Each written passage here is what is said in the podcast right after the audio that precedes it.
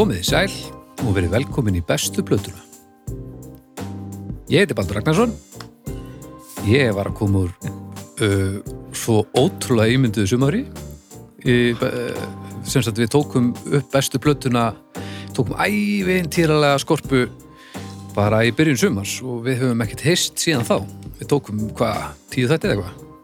Já, við gerum þetta mjög skart sko Við hefum ekki hist í tvo og hálfa mánuði eða eitthvað tókum við mynd einhverja 10-12 þætti bara á beitt Og þetta var svona, hjá mér var þetta einhver svona ímyndu hugmyndum sumarfrí. Já. Það gekk ekki eftir. Já, þú meinar Já, eh, en vissulega þá var gott að vera búin að taka þetta allt saman upp, ég segi það ekki. Og skemmtir þættir, skils mér.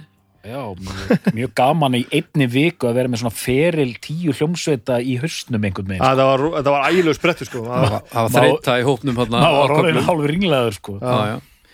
En nú erum við konið saman aftur, Með no bensín á táknum töluvert eldri, töluvert vitrari, Já, já, Já, já. gáari, fallegri, Já, já, allt þetta. Uh, allt nema bara yngri, sko. En fríkum. Við Við, fríkum. við, við fríkum mjög hratt. Já, Og já, mér eru mitt tveir menn sem eru búin að tala slata. Þú, Eh, þú, þú samt gafst upp boltan við, Já, já, já, já, þetta, þetta við erum að, hérna, Við þetta, þurfum að svara þetta er svolítið að svona first start, sko, við erum, hvað er þetta, þáttur nummer 51, er- nei, er ekki? Jú, 51 Hugsið ykkur, ha? Já. Já, já, þegar við byrjuðum þetta þá sagði ekki fyrir mér um myndum aldrei, aldrei fara lengra en 47, 8. Nei, nákvæmlega sko, þetta fór fram úr björstustu vonum. En, já, Það er hjá gaman mér líka- eru, hérna, Ásakaðu, Já, og fyrst við erum á svona nótum að hérna, gaman líka að í dag er sko miðvíkudagur Já. Það er bara rétt rúmlega sólarhengur þessi, þessi þáttu fyrir lofti sko. Já. Svo fólk átti sér svona á stöðu mála sko. já, já, brakandi, brakandi fest. Já. Og, herru, já, við þurfum nú líka kannski að minnast á það hérna, að hljóðkirkjan hefur verið í gangi sumar og búin að ná þessu líka indislega flugi. Og ég veit ekki með bestu plötu hlustendur, hvort þeir hérna, hafi verið að hlusta mikið á, á hérna þættina. En það er sem sé á mánudöfum, þá erum við að vinna með Dómstag á miðvikudöfum, þar eru það draugar fórtíðar e, á fimmtudöfum er það snæpir tala við fólk, það er þú. Mhm. og fyrstum er það byð besta pleðin mm og já, svona eldsnögg gegnumferð, Dómstagurinn þvæla uh, gaggrinni á hluti sem það er ekki að gaggrina þáttur nummer 101 fyrir loftinu og síðastliðin mándag uh, draugar fórtíðar, það er ég og Flósi Ham. Hann er segja mér frá fortíðinni að því hann elskar allt sem er búið og hann sagði mér síðast frá sögu kaffisins. Uh, Snæpi tala við fólk það kom út í gær og segðu okkur nú, við hvernig varst að tala? Við hverja varst að tala? Ég var að tala við Þórdísi Kolbrunu Reykfjörð Gilvadóttur mm -hmm. ráðherra. Ráðara Já. og í dag erum við komin hingað til að ræða ævintýrlegt mál en fyrst ætla ég nú að kynna hérna drengina Það það muna er litlu, þú varst næstu búin að fókus upp Nei, nei, nei, nei, nei, nei, nei, nei. Þetta er eina sem ég er almennilega góður í að halda utanum hvað er komið og hvað ekki.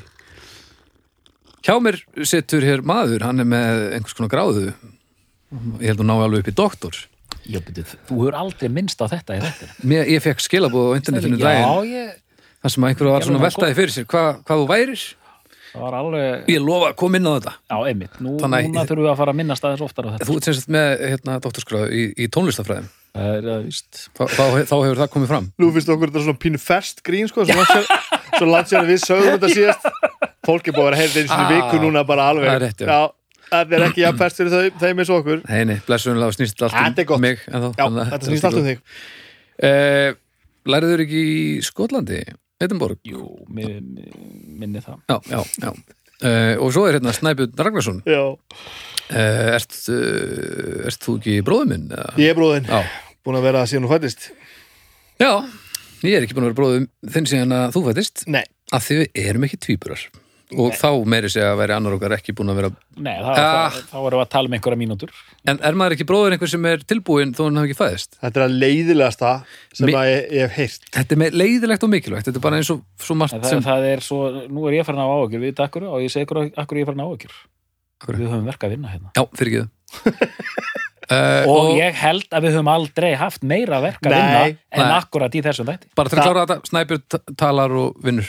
Já, takk Þetta er risastórt verk. Já, ske, að, ko- mér fannst, ég veit að þú heldur núna ennþá að Þannig að fólk veit svona ekki hvað við erum að fara að ræða. Ég ætla að segja hana brandarinn og hvað hætta við að segja hana brandarinn ég ætla ég ætla að spoila þessi fyrir það gladdi mig á hérna umræðugrúpinu hérna, hérna besta platan umræðuhópur á Facebook að, hérna, að það var einhver hrósung fyrir síðasta þátt sem var alltaf Elín Helena sem var alltaf svona, þú veist, algert svona, svolítið út úr svona, ú- út úr svona frekar lausulofti gripið einhvern veginn. Mikilvægur þáttur, sko, mjög mikilvægur. 50. þátturinn. Og þú veist, og við völdum einhverja pönkljófsitt sem við gefum út eina plötu og, veist, og einhver var hrósungu fyrir þetta en það var það, ég var mjög ánægð með þátt og margir aðrir og einhvern veginn. En þá var einhver sem sagði bara, já, bara allt kredit í heiminu fyrir að fyrir að hafa tekið þetta en ekki eitthvað svona augljóst eins og Iron Maiden. Ég var bara, ég var bara tilbúin að veðja að þau myndu taka Iron Maiden. Þannig að við gerum bara Iron Maiden með 51 Við hefum greinlega átt að taka bara eitthvað magimandolín í þessum þetta því að fólk elskar að vita ekki hvað er að við erum að tala um sko. já, já, ég held nú að sé nú að sem er ekki búin að hugsa um þetta samt Þetta, já, Ég held að sé búið að kalla eftir þessu bandi eila mest hefur mér fundist sko. já, Já. ég held það nú kannski er ég að sennilega kannski er ég að rugglast það því að þeir sem eru í þessum blessaða hóp okkar hérna, umræðu vettvangur hérna, bestu plötunar Já. þetta er mjög mikið af mönnum sem fíla erumitin Já, og þeir veit líka að vita hvert, hvar hérta liggur kannski hjá þeim sem ákveður þetta sko. já, já, og en þarna sagðir okkur bara, bara alveg kaldur hvað við erum að fara að tala um. Herðu, ég klúraði þessu maður. Hugsaðir. Ertu, sem sagt, ertu múin að ná að melta allt sumarið að fólk veit hvað við erum að fara að tala um að því að stendur í Nei, til ég er búin að ákveða það, ég ætla aldrei að ná þessu svo ég geti nota hana brandara svona við og við, ég ætla að nota spari já, þess bara En við erum sem sé komin hingað til þess að ræða bestu plötu Iron Maiden ó, ég fikk hroll, sko.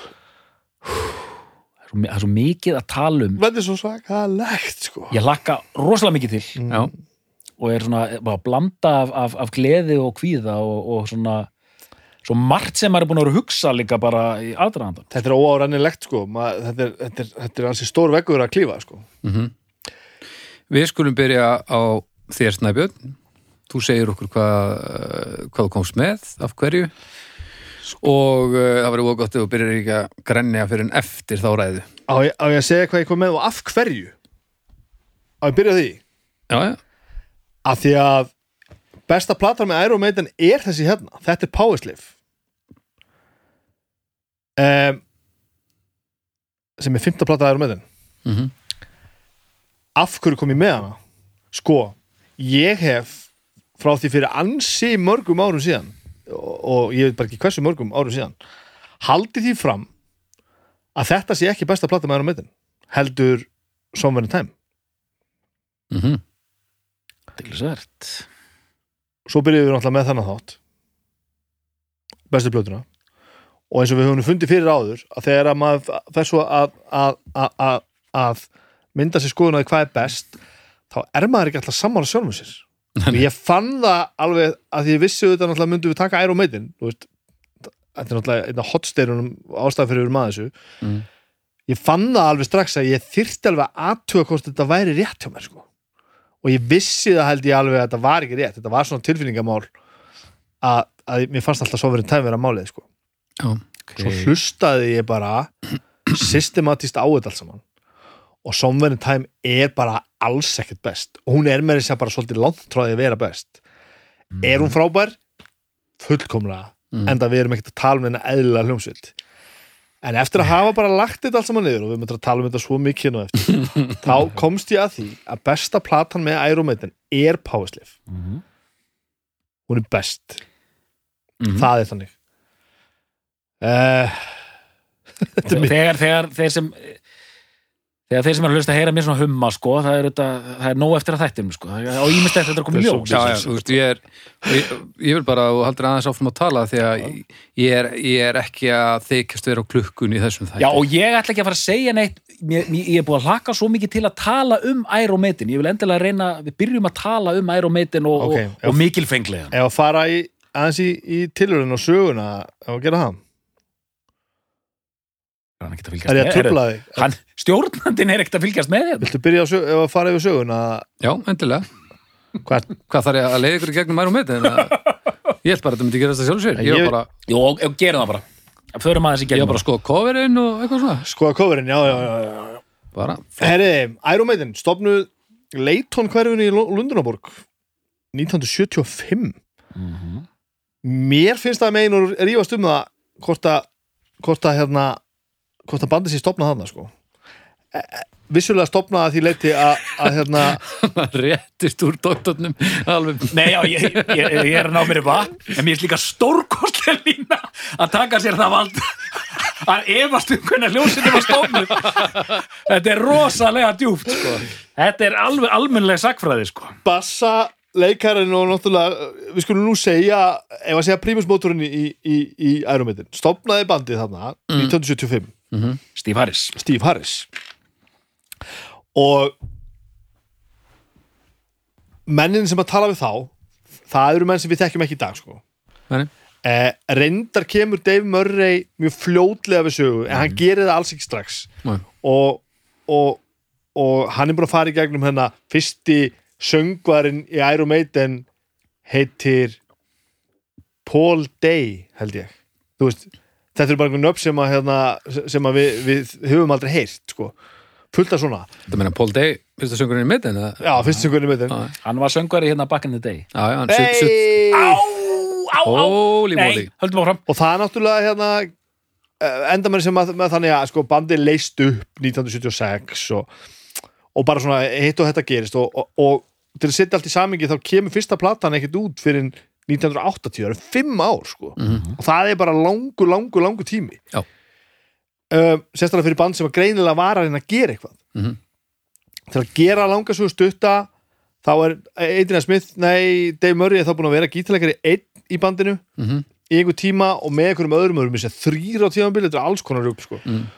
uh, Steve Harris alltaf, alltaf hérna alltaf bassalegarinn uh, og þegar við að, að tala um eitthvað sem er svona virkilega hægt að tala um markvert þá koma hann að tveir, þrýr menn inn í bandið. Það er Clive Burr, trómuleikari Mhm. sem var þá hafði þá verið trómuleikari Samson sem kemur nú meira við sögu.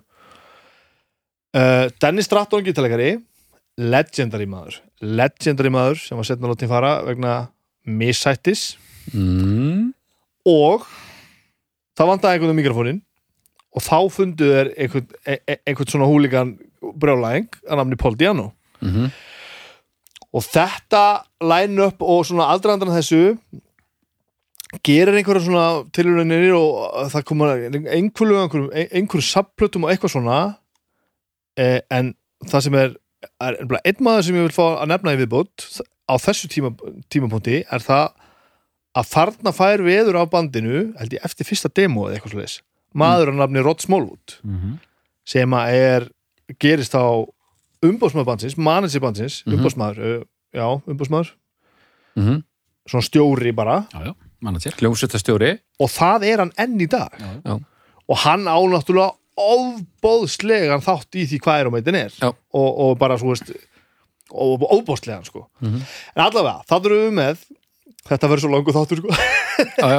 Það erum við klæbör og trommur. Við erum með, með, með Stratton og gítar Mhm. við erum með Paul Diano og söng Mhm. og svo tvo menn, Steve Harris og bassa og Dave Murray og gítar sem eru enn þann dag í dag í, í bandinu og hafa eh, Dave Murray nú, tók nú held ég einhverja stuttapásu einhver staðar sem er hvergi, hvergi skráð en að nafnu til hafa alltaf verið í Iron Maiden þessi tveir menn hafa alltaf verið í Iron Maiden Já.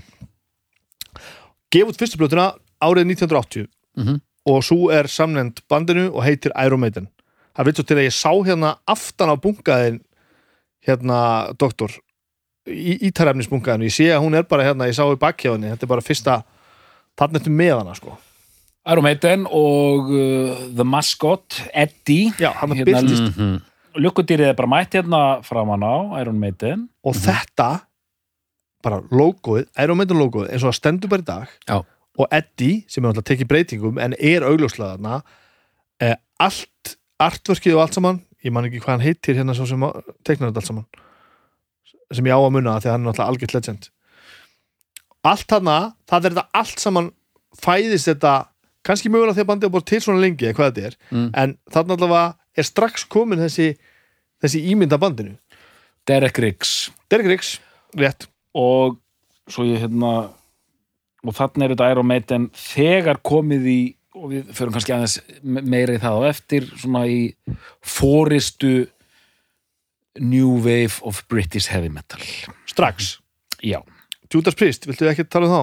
Já það er samhengi? svona kannski þeir voru svona meiri fyrirrennari, sko. Já, já, En á þessum tíma, 1980, þetta er bara svona side note, þá eru, veist, þeir, þeir eru st- strax orðnir þetta öflugir, sko, sem svona new, new, new wave of British heavy metal, okay, svona drífandi afli í- drífandi í af því. sem er svona brest, hérna, einhver vakning í þungarokki, Já. einmitt Judas Priest, uh, ekki eða tíma í, sko, jú, þeir eiga heimanna og la la la, en ekki, en eru svona fyrirrennara meira, þurfum við eitthvað þurfum við að nefna Def Leppard þarna líka? Já, og síðan er sko einmitt já, ég segi þetta bara núna að þú veist áðurinni gleymi því Iron Maiden, Def Leppard og Saxon eru svona Saxon, stærstu já, hljómsundar síðan er, þetta er svo fyndi hvað þetta gerist rætt á bara sko 79, 80, 81 ég var að hugsa þetta á hann sko mér er svo merkilegt að Iron Maiden eru svona í meistaradeildinni. Mm. Saxon og Def Leppard eru svona í annari deild og öll önnur bönd eru svona í þriðu deild sko. og þá er- þá er þetta ekki með Priest inn í þessu? Nei, nú sleppi ég príst sko Eru já, bara þetta, þetta, þetta, þetta sem þú segir núna er hárétt Mm. og þetta er svo mikið hárétt og það er svo mikið af það er svo mörg böndi viðbútt og ekkert er að gata þetta Nei, þetta er alveg ótrúlega fyndið sko. eitt og eitt lag og það allt saman Já. er enginn sem, sem veldur þessu verkefni einhvern veginn. og, og hérna þess að ég hérna ég hef gert smá rannsón á þessu New Wave og British Heavy Metal Diamond Head, já, Tigers of já, Pan já, Pan já, já. uh, Praying Mantis mm. uh, Blitzkrieg uh, og þú veist, einhverja 20 hljónstir viðbót sem voru öll að spila svona hrátt hérna hrátt þungarokk eitthvað svona Iron Maiden light og söngvænin hljóma alltaf eins og bankastjóri sko, með svona bresku bankastjóri. Mjög förðulegt sko. Og þau eru öll bara einhver svona hjakki miða við sko, því ég, ég var að hlusta á allir þessi bönd í einhver svona beit og þú veist, ok, nú ætla ég að hlusta á plötur frá, þú veist, 81, 82 og þegar maður er að hlusta á þessar Iron Maiden plötur sem voru að koma út 81, 82, 83 Já. þá er þetta bara svona miles Já, já, já, above já, já. Þetta, er bara miles ekki, above þetta er bara ekki þetta er, ekki, þetta er bara ekki er leikurinn sko. Nei, nei. En Það gefur sér tíma að átta sig á því hvað maður ætlar að gera. Það lítur að skila sér ef maður er með, með hæfileikana fyrir hendi. Já, já, algjörlega sko. Já, og ég meina það er eins og þetta segja þannig að maður sé held ég fyrst, fyrst sko alvöru túrnum þannig eru fættir að túra eins og einhverju viti utan Bretlands og þetta og þannig eru þeir strax fættir að hitu fyrir Kiss sko. Já. og þannig að þeir eru strax orðni bara þannig Kiss að gera sko 1980 þetta er unmasked sko þú veist þannig að Kiss er búið að gera slatta og, Já. og, veist, og bara og hérna já, gera þetta eh, það sem að geta að Dennis Stratton, gítalegari hann var ráðinn inn rétt áður en platta, áður en fór í stúdíu og gera þetta. Mhm. vegna þess að maður namni Adrian Smith sagði nei. Hann var með an, aðra hljómsett sem hétt eitthvað Urchin eða eitthvað djúvillin Urchin. hey, Já, jú, ég, ég held að þetta sé alveg til þér. Þetta, þetta, það er eitthvað, þetta eitthvað ringi bjöllum. Það er einhver heilastöðu þarna sem er að segja mér eitthvað sem ég er Urchin. úrlega að segja villast úr það. Adrian í Urchin. Hann í Já, og Stratton var svo bara að láta hann fara því að hann þótti ekki nú skemmtilegur eða eitthvað bara kreatífur eða eitthvað, það alveg virkaði ekki. Mm. en er að meiten fólki er er, er, er í háum hafður sko og, og það, það þarf að segja það líka að þessi plata, Ærumætin hún er náttúrulega algjörlega frábær Já. þannig erum við náttúrulega með sko þannig erum við með lög, lög sko, við erum með Prowler, við erum með Running Free Phantom of the Opera, við erum með Transylvania við erum með Iron Maiden, Já. lægið Já. þú veist, Já, það er engin skýta fyrsta plata nei, nei, í gangi, nei sko. og það sem er magna og kannski heyrist kannski best myndi ég segja hvað eigum við að fara, hvað á maður að tala um mikið að núansum, við getum verið með sex Já, já, tíma sko. Ég er svo Sko, fegin við- í komið næsti. Við þurfum að hérna en, ég ætla að fann samt að fá að segja þetta nú er ég fann að sko pikk út einstakka kapla í einstakka lögum ætla að ég ætla nesti bara svona með hlustar Hvað átti ég að gera? Degur hungrið? að að- að- að hérna Iron Maiden er alveg komið þarna sko og sérstaklega hlustar á sko millikaplan í Phantom of the Opera það er svona skýrasta dæmi um það að þú finnur bara herðu þú, þú, þú ert alveg að hlusta á Iron Maiden Við erum að, þú veist, þetta er náttúrulega augljóslega benskubreikin sko og þeir voru ekki ánaði með hvernig það hljómaði veit ég sko. Nei. svo fara þær Það er einmitt eitt, eitt lag Það er einmitt eitt lag sem hefur alltaf leiðist mjög mikið með Iron Maiden, það er Running Free. Ég getur þið samanlega það er nú fleiri lög sem er leiðist með Maiden en Running Free Já, er ekki skemmtilegt lag Nei, en, en það, er, Ertu, ertu sammálaðið þessu? já, mér það, er, samt ekki, Já, það, er, það- það er samt ekki bilað. Nei, en það- Running Free er Nei. svona það, þetta, er svo, þetta sé svona 70s hangover sko. þetta er of Já. mikið lýsir Já, þessu já, svona, þunglega maður metall þetta er svona en það er samt ekki bilað lag, sko, þetta er ekki ónýtt lag. Nei, nei, nei, nei, nei, alls ekki, það, það skilur það, sko, já það er náttúrulega að gera út leiðilega hluti ef þú gerir það vel, sko. Allavega þurfum að halda eitthvað áfram með þetta? Já, við verðum að gera já, með tvö kemur svo bara árið eftir 1981 Killers og hún heitir Kills svo plata. Þar voru óanað með sondi á, á Iron Maiden vildi gera þetta eitthvað aðeins betur. Og, og, og ástæða fyrir er að þú ert með þetta líka, þú ert með þetta allt saman.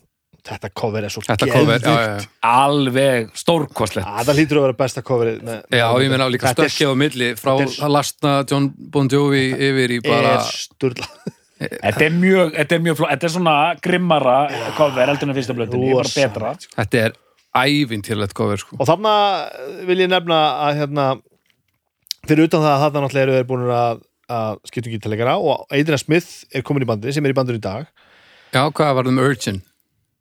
uh, ég veit ekki, en það er ekki hvort að meiti var bara svo miklu stærra band uh, eitthvað. Sín maður, rísa band Það er maður það er ykkur 30 núti sem hata meitina þegar eðluðu Urchin og það, þetta gerist eitt þeir eru ekki ánað með sondi á fyrstu blöðunni ég man ekki eins og hver pródusur hana en, ég, en þarna kyn, kynnast þeir semst Iron Maiden blöðuna en þessa blöðu, Killers mm -hmm. pródusur Martin Birch Mm.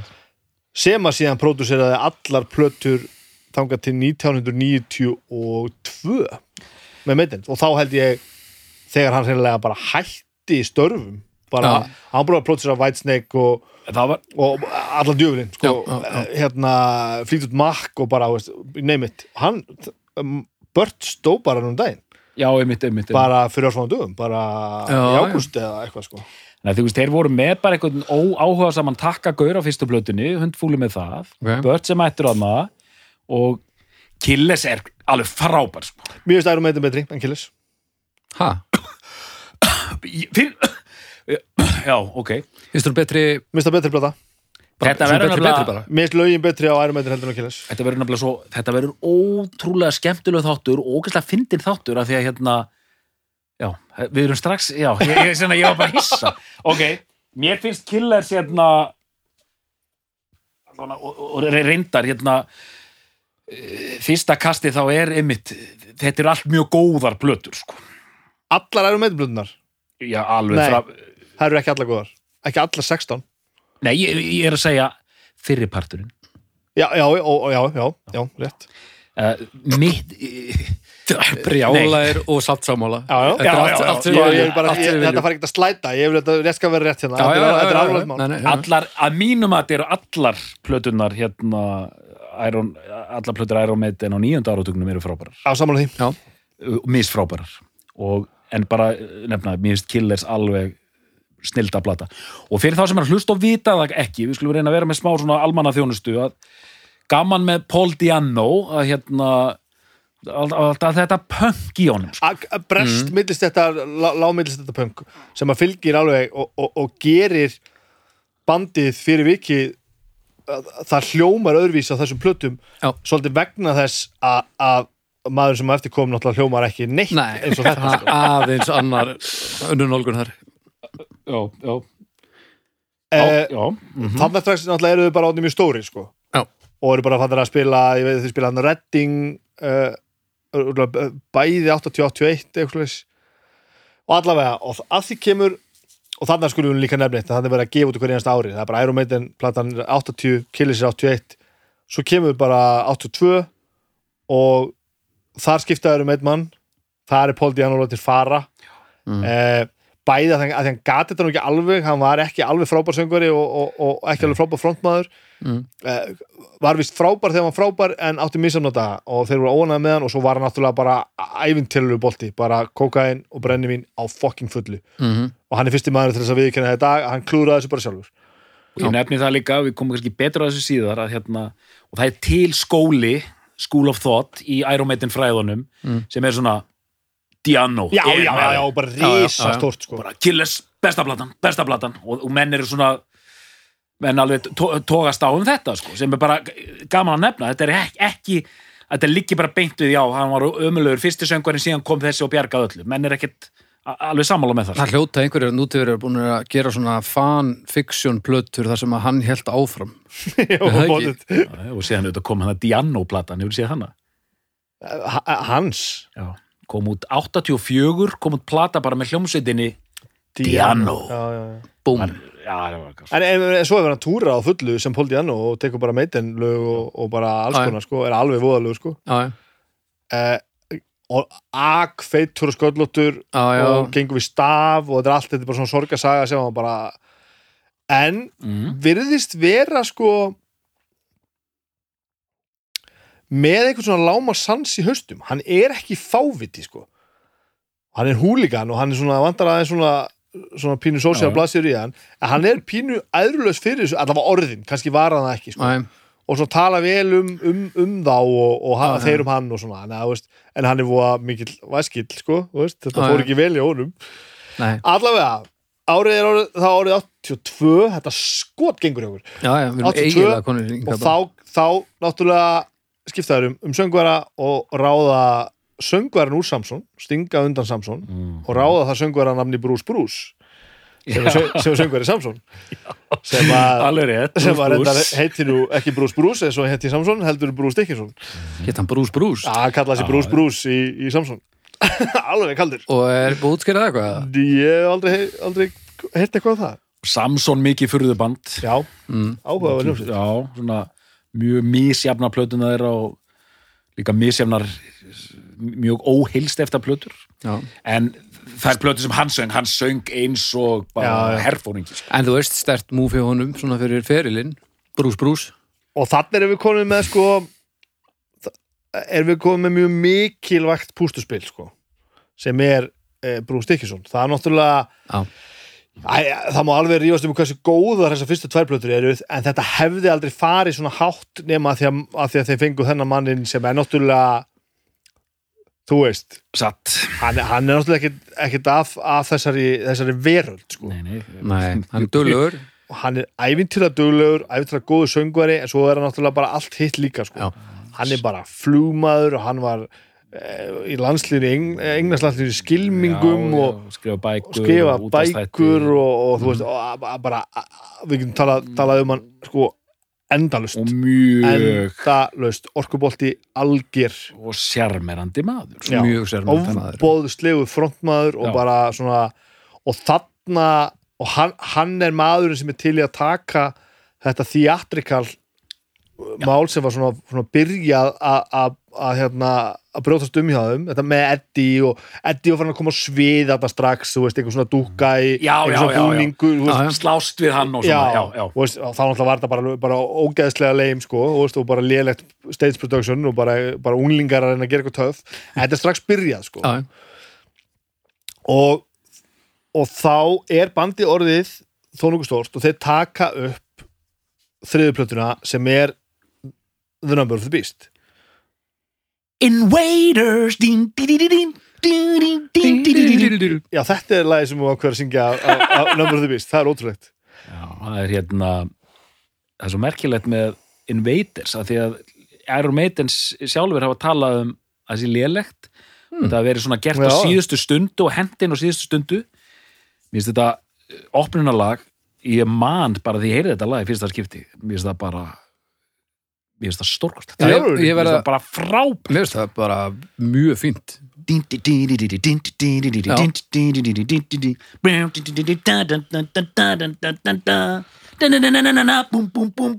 Skýtt að byrja plötur að þessu. Invader mm. og síðan kemur strax í ballu hérna. Children of the ah, ah, Dead það er alltaf frábært. Hérna erum við að vinna með mm-hmm plötu sem að örgulega margir sko myndu segja að vera besta plata með Iron þar er ég bara Mjög mjög ósámála uh, það mér finnst þið vera bara hérna Invaders ekki nógu gott lag. Já, það er ekki nógu gott lag. Og, og fleiri sem ég, veist, ég þarf ekki að fara í gegnum þetta allt saman en það náttúrulega þú veist, eru hérna Hallowed be a name er náttúrulega eitt besta lag sem hefur gert sko, Jöp. til dæmi sko. uh, One Number of the Beast. Já, ég náttúrulega þú býstur Run to the Hills. Já, minnst Run to the Hills ekki lag. Prisoners. Eh, við erum ekki að tala um eða eðlega hljómsveit sko. þetta er frábær, frábær, frábær, frábær plata. Og, og núna myndi ég segja að við værum að tala um sko fyrstu plötuna í fimm plötu rönni sem er eiginlega ósnertanlegt. Mhm. frá og með hér og út 80sið erum við að tala um plötu sem eru bara þú veist, ég hefði getað pikka hverja sem er að, að það, frá og með núna og næstu fjórar, það er bara þannig. Það er rosalega rétt að segja einhver hafi rámt fyrir sér ef hann velur einhver af þessum en þessi plata hefur aldrei hitt mig svona fullkomlega eins og hinnar eh, ég er með kenningu af hverju það, af hverju það er Er það coverið? það er ekki kofrið Já, ok. uh, þetta er þetta geðveikt kofur geggjað. ógeðslega flott kofur uh, sko mér finnst gamalt þunglama þungarokk ekki skemmtilegt þetta er ennþá það Mm. Iron. Maiden fyrsta platan Killers, önnur platan og Number of the Beast þriða platan, þessar plötur eru saman. Já, Þe- þetta er gamla þungarokki sem er ekki búið að fullvinna og, og sjæna Þessi er á milli, myndi ég nú nei, segja. nei, hún er með hinnum hún er bara á milli vegna þess og, og það er rosalega margi sem að þú veist tala um fyrstu tvær og svo allt hitt með erum já, já Eh, ég myndi vera þar, einmitt. En, en, en ég, fyrir mér er það ekki þannig. Það er búið að skipta söngvar og það skiptir óbúinlega miklu máli. Það er svona hljómar alltaf öruvísi Já, já. en ég held Ok, að þegar Clive Burr hættir að tromma og Nico kemur inn, Já. þar verður Já. verður hérna Splittið. Það þar verður splittið. Nú er ég ekki að tala lítið um Clive Burr af því að hann var ævintýrlegu trómari, ævintýralegur. Og þeir segja mér sér sjálfur að hans er besti trómari sem hefur verið í já en ég veist ég mynd sko áður um hverjum þessa hérna, plötu, þá verð ég nú að fá að nefna uppáðslægi mitt af þessari plötu ef þú segir, ó, byrjar á, á, á tölustaf Nei, þetta er ekki. Nei, hérna, Gangland. Gangland, akkur Gangland? Besta lagið, besta nei, nei, Gangland er hérna, og þið þekkið þetta auðvitað strákar, hérna, Gangland er með svona svona ráum, já. pínu svona nýbylgjupunk gítar sko, já, og séðan bara, þú veist, þetta er stutt það er bara svona kert af staf og séðan kemur þessi kapli þar sem sko hérna, bassin fyrir upp og gítara niður eða öfugt, ég manna það ekki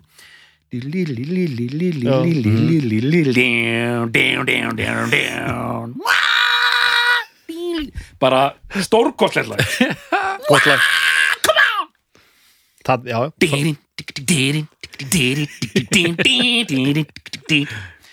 en já blessaði drengirnir eiga, þeir eiga bara svo mikið að stórkostlegu lögum. Algjörlega Já, sko. já. og þannig náttúrulega verða það bara monster þannig verður bandið bara risa, risa stórt til túra Rod Smallwood, þetta er upphafið þannig fyrir að heilundu það að hann pískar bandið gössamlút og þeir túra og túra og túra og túra og túra og rétt að segja, bara að drepa eitthvað annan. Það verður bara allt brjálað sko. Mhm.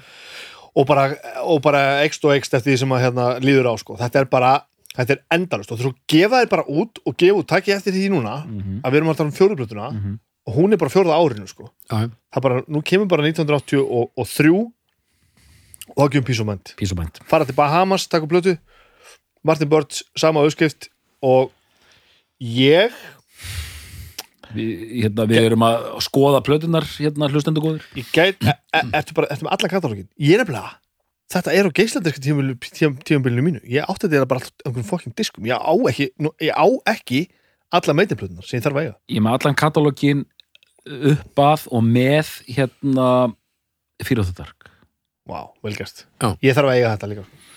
Uh, þessi, já, heilin á borðinu. Peace of Mind Sko, þetta finnst mér að Iron Maiden hafa fæst okay. sem það sem við þekkjum í dag. Já. Ég myndi sennilega eftir þessa yfirför mínu núna ef ég ætti að vera svona, taka kalt mat uh, en ekki tilfyllingarnætt mat myndi ég segja að þetta verði þriða besta plata með Iron Maiden. Ég veist þetta mjög góð kenning þetta með þessi nýja splitt kenning Já, með hérna Peace of Mind sé upphæfið en ekki Number of the Beast. Mm. ég veit að núna eru margir sem betur fyrr klóra sér í hausnum sem er hlusta sko. Ég- þetta, þetta er gott stöf fyrst þú, fyrst þú uh, tala um þetta aftur, að best ég segi það nefnilega ég aðdraðandur með þessu, ég var stattur á Akranis um daginn. Mhm. og var á rúndinu með, með tveimur vinnum mínum Björ, Björgvinni, Böbba og Skálmöld og, og Arnari bróður hans sem býr á Akranesi við áttum að vera að fara í búð. Við gerum þetta alltaf þegar við búum saman e, þegar við hérna búum saman. Þegar Alltaf við búum saman. við borðum saman á skagarum yfir þeim með Arnari. Farum veist, öll, allir börn og konur og svona. Það er ritual sko að við förum út að vesla og það tekur yfir svona einn og hálfum tíma að við erum að hlusta á þungarokk í bílnum. Já, og, og þetta var í þannig ferð. Og ég var að segja við þá búin að taka upp þátt 50 og ég var bara, sagði við bara, "Ja, nú fer ég bara í þetta 51, nú tökum við þetta. Og ég var þá að velja plötuna sko.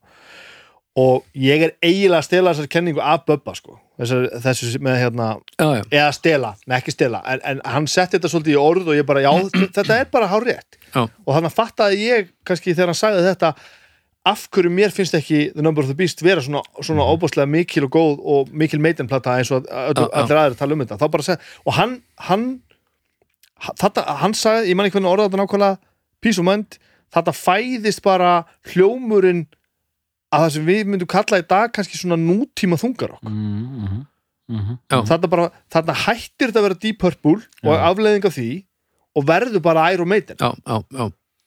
Judas Priest, fatti, Judas Priest á undan þessu, hljómar, þetta er eitthvað svona þunglama, þetta er rosa töff, ekki miskjælum þetta er frábært, Mhm. en þarna bara gerist eitthvað, þannig verður þetta bara tært drífandi, slikk þú veist, allt einhvern veginn svona sjálfströsti er algert eh, þetta er skemmtilegt þetta er svona, veist, þetta stækkar einhvern veginn svona, þú veist, þetta er betri tækni líka fyrir þetta hljóma betur. Mhm. En Mér er svo merkilegt þú segir þetta því mér eru alltaf þótt Number of the Beast er svo kvöss og rá. Já, en ekki, ekki ég myndi aldrei segja að hún væri þreytt hérna svona 70s þreytt sko. Nei, ég er ekki heldur að kannski segja hún sé 70s, en það er svona að- eimir eitthvað eftir af pródusjóninni, lagasmiðinni þú veist. Allavega, þe- þetta er svona mitt mín af þessu og, mitt, eitthvað sem Bubbi sagði og ég bara svona, já, ég, bara, ég, ég tengdi við þetta alveg um leið. Uh um, og það er bara að það er ekki búið að koma fram að, að einmitt, Number of the Beast er svona eh, hún er eiginlega alltaf á toppnum virðist vera sko. já, Oftast. hjá almenningi. Já. eða sem sagt, er ég ætlum það blöð samt Mjög alveg mikið, mjög mikið, já. já, það er hún, eða ekki? Jú, ég held það er mjög mikið hún. Svona, þetta, þetta er valhins latamanns já, já, er á písumænt, áfram með það. Písumænd uh, ég ætla nú ekki að fara að fara í sögunum með hvað er að gera hana með, með túra og svona þú veist. það, það er bara alltaf full og þeir eru bara að fara að túra allan heiminn og það er bara allt brjálað, það getur að árið er 1980 og hvað er komið, þrjú? Mm ég geti alveg stilt þessu sko, sem ég- bestu með þetta plötunni En sko, ég hef aldrei heyrt mann stimpla sig inn í hljómsveit og hérna Nico. McBrain gerir á Where Eagles Dare. Nei, því líkur veistu, þetta hljómar eins og hérna og ég var að fatta að núna óheppilega líkinga því ég veit að þú fílar ekki Led Zeppelin sko en þetta hljómar alveg eins og hérna þegar John Bonham er að tromma hérna hérna dottuðu mér akkurat núna en svona, það er svona mjög John Bonham-legu trommuleikur sko, rosalega svona bæði einhvern veginn tæknilegur og viltur sko. Allavega klikkað og síðan kemur Revelations og síðan Flight of Icarus. Þessi fyrstu þrjúlög eru bara þetta er ævintýrleg þessi plata er bara, hún er, hún er frábær hún er svakaleg. Revelations er uh, þá gerist eitthvað nýtt hjá meitin það verður svona eitthvað svona það taka þetta aðeins niður, Já, já, já, já, spínist leik einmitt. Eh, það er Dickinson lagt, Bruce Dickinson semur það og þannig er hann svona aðeins farin að, þú veist, að, hérna, að, að svona láta meira að sig kveða einhvern veginn og, og þetta bara smellur einhvern veginn þarna sko. Já. einmitt og soundar alveg ótrúlega Sánda sko. frábælega eh, þannig eru þau sagt, þú ekki setur á einu sinni Steve bassa, Dave Murray og, og, og Adrian Smith á gítar Mhm. uh, Nico á trómur, Nico McBrain Mhm. á trómur og Bruce Dickinson og þetta er náttúrulega sem er talað um sem svona sem, sem sko þetta prime line- line-up í Já. bandinu en takkið eftir því sem ég fattaði bara á yfirferð minni núna það eru bara fjórar plötu með þessu line-upi með Aero Maiden. Það er bara þessi og næstu þrjár. Þetta er ekki meira. Eða þessu drauma. Fínar plötur. Bestu plötunum með Aero Maiden bestu fjórar, já, það er þannig. Höldum áfram. Já, en munið eftir hérna, það er lag hérna sem er svona singull sem hefði átt að vera. Hérna Sun and Steel. Já, Sunlight going up your beam na na na na you're Uh-huh. Du-du-du-du-du-du-du. það var singull, sagður það? það hefði átt að vera singull þetta er svo ótrúlega grípandi og skemmtilegt Það og, það erum við, getum við talað um hérna vinsaldir, þvert á vinsaldir þegar að, þú veist, eins og þetta band sem er orðið sko orðið hérna svona óbúslega vinsalt á þess að fá nokkra spilun Já. í útvarpi og eitthvað svona, svona þvert á allt sem mögulega hættir að gera, þeir bara verða eitthvað monster sko. Mhm.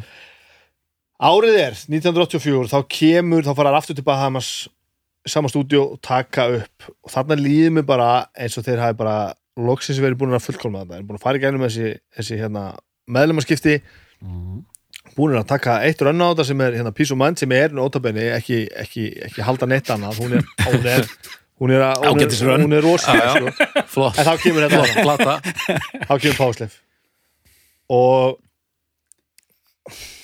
Tell me why I had to be a power slave þarna fara þeir að- að verða bara svona eitthvað, skrýmsli og þetta er einstakt. Þetta, þeir eru algjörlega að keira þetta í fyrsta veginn sko. já, þarna gerist eitthvað sem hefur aldrei gerst og þetta bara, þetta gengur allt upp Mm. eh, ef þú hefur eitthvað tíman efast um þessi besta plata með Aeromaitin hlustaðu þá bara á hana, nú er ég að tala við alla hérna. Þú hana, hlustandi góður. Þú veist, maður hlusta svona og veist, þetta byrja bara, þú veist, ef þú farið í lagalista núna eða bara setna, hvað sér Nú. ef þú farið í lagalista núna. Bara Sel, er, seldum er þetta. Sko, þetta byrja bara á ACSI sem er náttúrulega ekki eðlilegt sko. Æ, nei, það er- það er alltaf ekki eðlilegt lag sko. það, það, það, það, Lars Ulrik segir að það sé besta lag í heiminum og Lars Ulrik, hann veit allt. Já, nema sundaði ránd þetta er- rétt hjá Lars Ulrik. Já, já. þetta er algjörlega stórkostlegt lag. og svo er það bara búið. Þá kemur bara 2 minutes to midnight. Jöp, það er ekki eðlilegur alls til það skulle bara gerast. Og svo, svo er hana ákveðin, á, á, ákveðin, ákveðin hérna tímamót hana þarna kemur uh, Lost for Words Big Aura innan svega Mm. sem er instrumentalag og síðan hafa þær ekki gert instrumentalag Mm, ég held að þessi síð, ég held ég sé öruglega að fara rétt með það að þeir hafi ekki gert instrumentalag síðan þetta var. Jálfurinni og það e, hvað, það er eitt að Transylvania á Iron Maiden plötunni og svo er eitt eða tvö á Killers plötunni. Mm. og svo þetta og ég held ég sé ekki að ljúga því að þeir hafi ekki gert instrumentalega síðan ef þú ert að ljúga í þá held ég einhver látið Já, þegar, ég, við skulum líka halda því alveg opnu að það sem að við erum að segja hér það verður sjálfsagt tekið til kastana Ah, já. á umræðuhópnum á Facebook. Já, þannig að við, ég er búin að Já. ákveða það og ég kom inn hérna með höfuð á undan mér. Mm ég ætla ekki að draga neitt undan. Ef ég verð leiðréttur þá verð ég bara fucking leiðréttur. Ég er ekki með síma minn, ég er ekki að googla neitt hérna. Nei. þetta bara, þetta fæ bara að standa og ég vil bara vonandi leiðréttur. Sko, in- interneti áttur að springa þegar þessi þáttu lendir sko. já, vonandi en þetta lag, Lost for Words nummer þrjú, það er frábært sko. Og- á ég að bregðast við í rauntíma eða, nei, ég ætla að gera það bara eftir. Bara á eftir, eða á raun tíma fylgdu hjartanu, dóttor svo, svo koma þrjú lög sem eru ekki bestu lögum plötunni, en þau eru öll algjörlega frábæla, frábæla, frábæla sko. Flash of the Blade, frábært, Duelist frábæla, frábæla, frábært.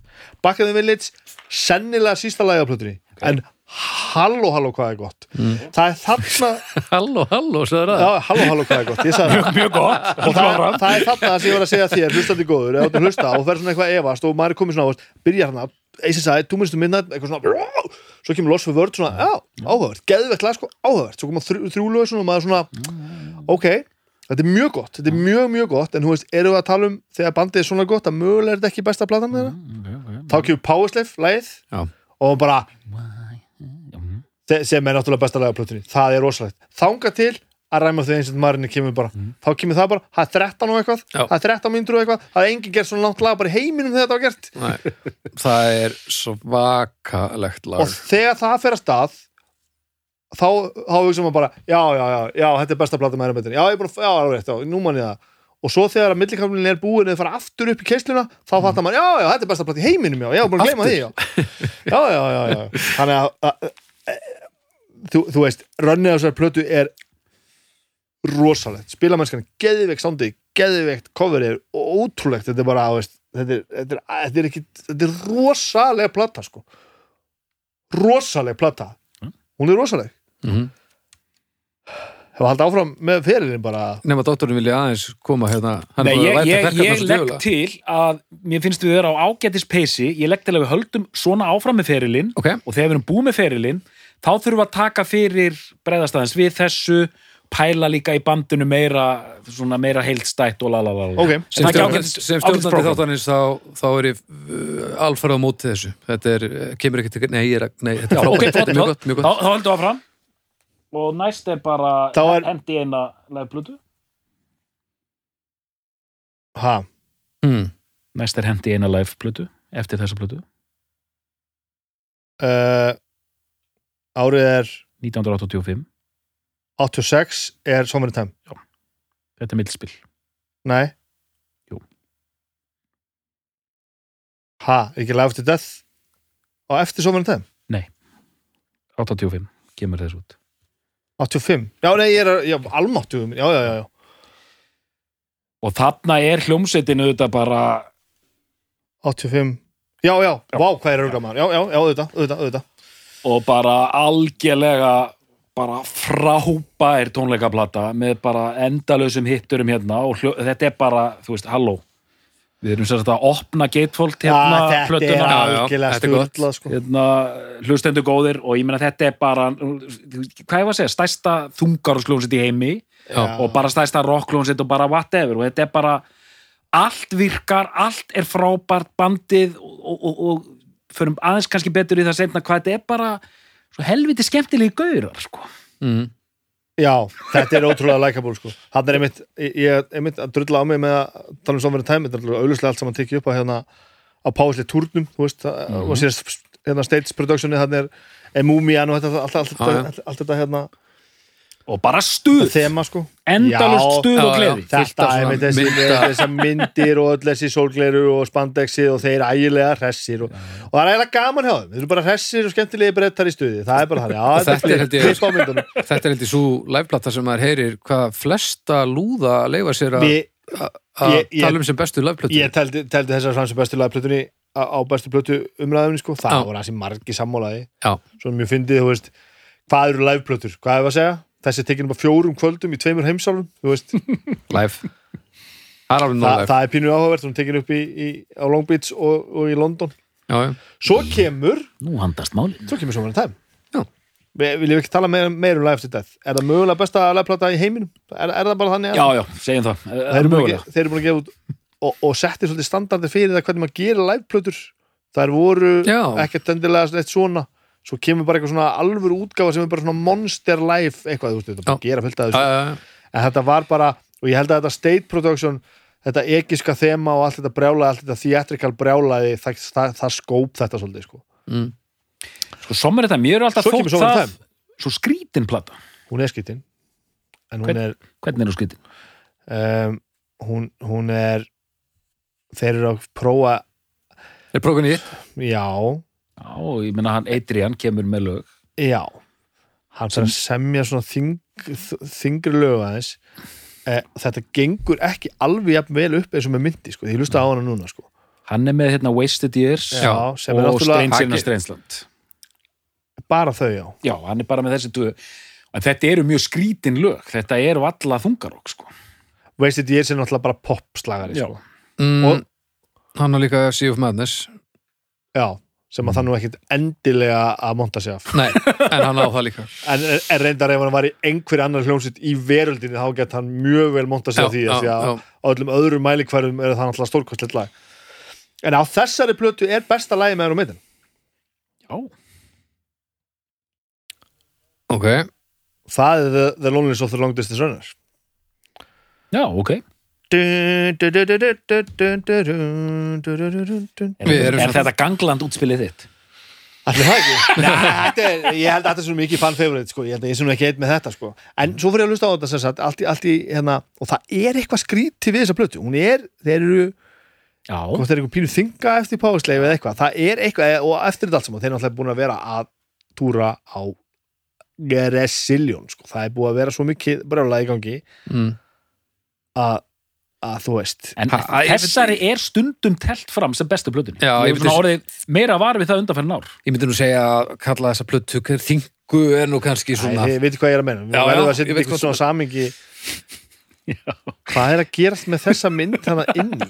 Þetta er algjör veist af hverju eru þeir á þessum þetta, þetta er einhver svona framtíðabíl sem eru á og þeir eru ægilega alvöru gefnir þetta er er, svo svona- skrítið sko mikið svona sci-fi feelingur í gangi þarna þó að sé kannski Já, þetta er framtíðar þema sko. það er náttúrulega að taka þetta þemamál alveg gjörsamlega allaleg sko, þeir eru búinir að taka sko þú veist, Iron Maiden Killers uh, Number of the Beast svona byrjar þetta að vera svona eitthvað pínu þema þengi í þessu svona. Mm. það er eitthvað svona hérna uh, sem hann alltaf hekk svo við á, þeir væri náttúrulega bara satanistar það er svona pínu satans þema þar. Hann er svona, Já, já. þú veist, að vera að tengja Eddie við þetta uh, þennan, þessa djöfbadirkur svona framan á og, og svo kemur Peace of Mind sem er eitthvað svona hérna svona inn á við, svolítið mikið pæling svona einhvern veginn sko.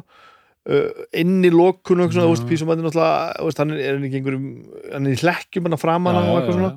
og svona einhver heila þú veist, orðið eitthvað svona, svona þema. Ég var mjög hrættur við þetta cover því ég sá þetta. Peace of Mind, já, það er ógeðslegt Þetta er bara ógeð. svo kemur, það, skuggalegt. kemur Powersleif og þá er bara þetta egifska brjálaðislega þema. Já.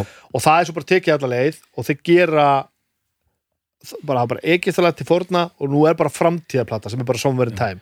Það er svona tíma alls konar á þessu, þetta er ekkert svona fast þema en þetta er bara svona að litar allt einhvern Já, veginn Síðan fara að detta inn þessi, ég meina, Alexander the Great Já. fara að detta inn þessi, þetta já. sagfræði nörda þungarokk En sko, Já, þeir- já, sagfræði Já, já. sem þema- margir er náttúrulega Já, já. endur sögður endur á bara á einhverju ljóði sko. En Powerslave, það er fyrsta skipti þar sem þetta hefði gett orðið asnalegt Mér líður hann Það er fyrsta skipti sem að þema er svona já, það ganga mjög langt ekki gefið að þetta verði lægi því að- Engelska þemað Já, af því að ef þetta hefði ekki allt saman komið heim og saman þá væri ekki, þá væri ekki betra að hafa ekki stema sko. Mér er svo cool með cover Nei, að, það er hérna, satt. hann er svona næstuð í falinn Eddie sko. Já, já, Svona, já, já, þarna, já, já, já. já, þetta er flott sko. Þetta er mjög cool. Já, þetta er nefnilega svínvirkar sko. Eh, Ok, ef að halda á honum að höldum áfram, nóg eftir. Af því að svo kemur næstplata með, næstbesta plata með Iron Maiden.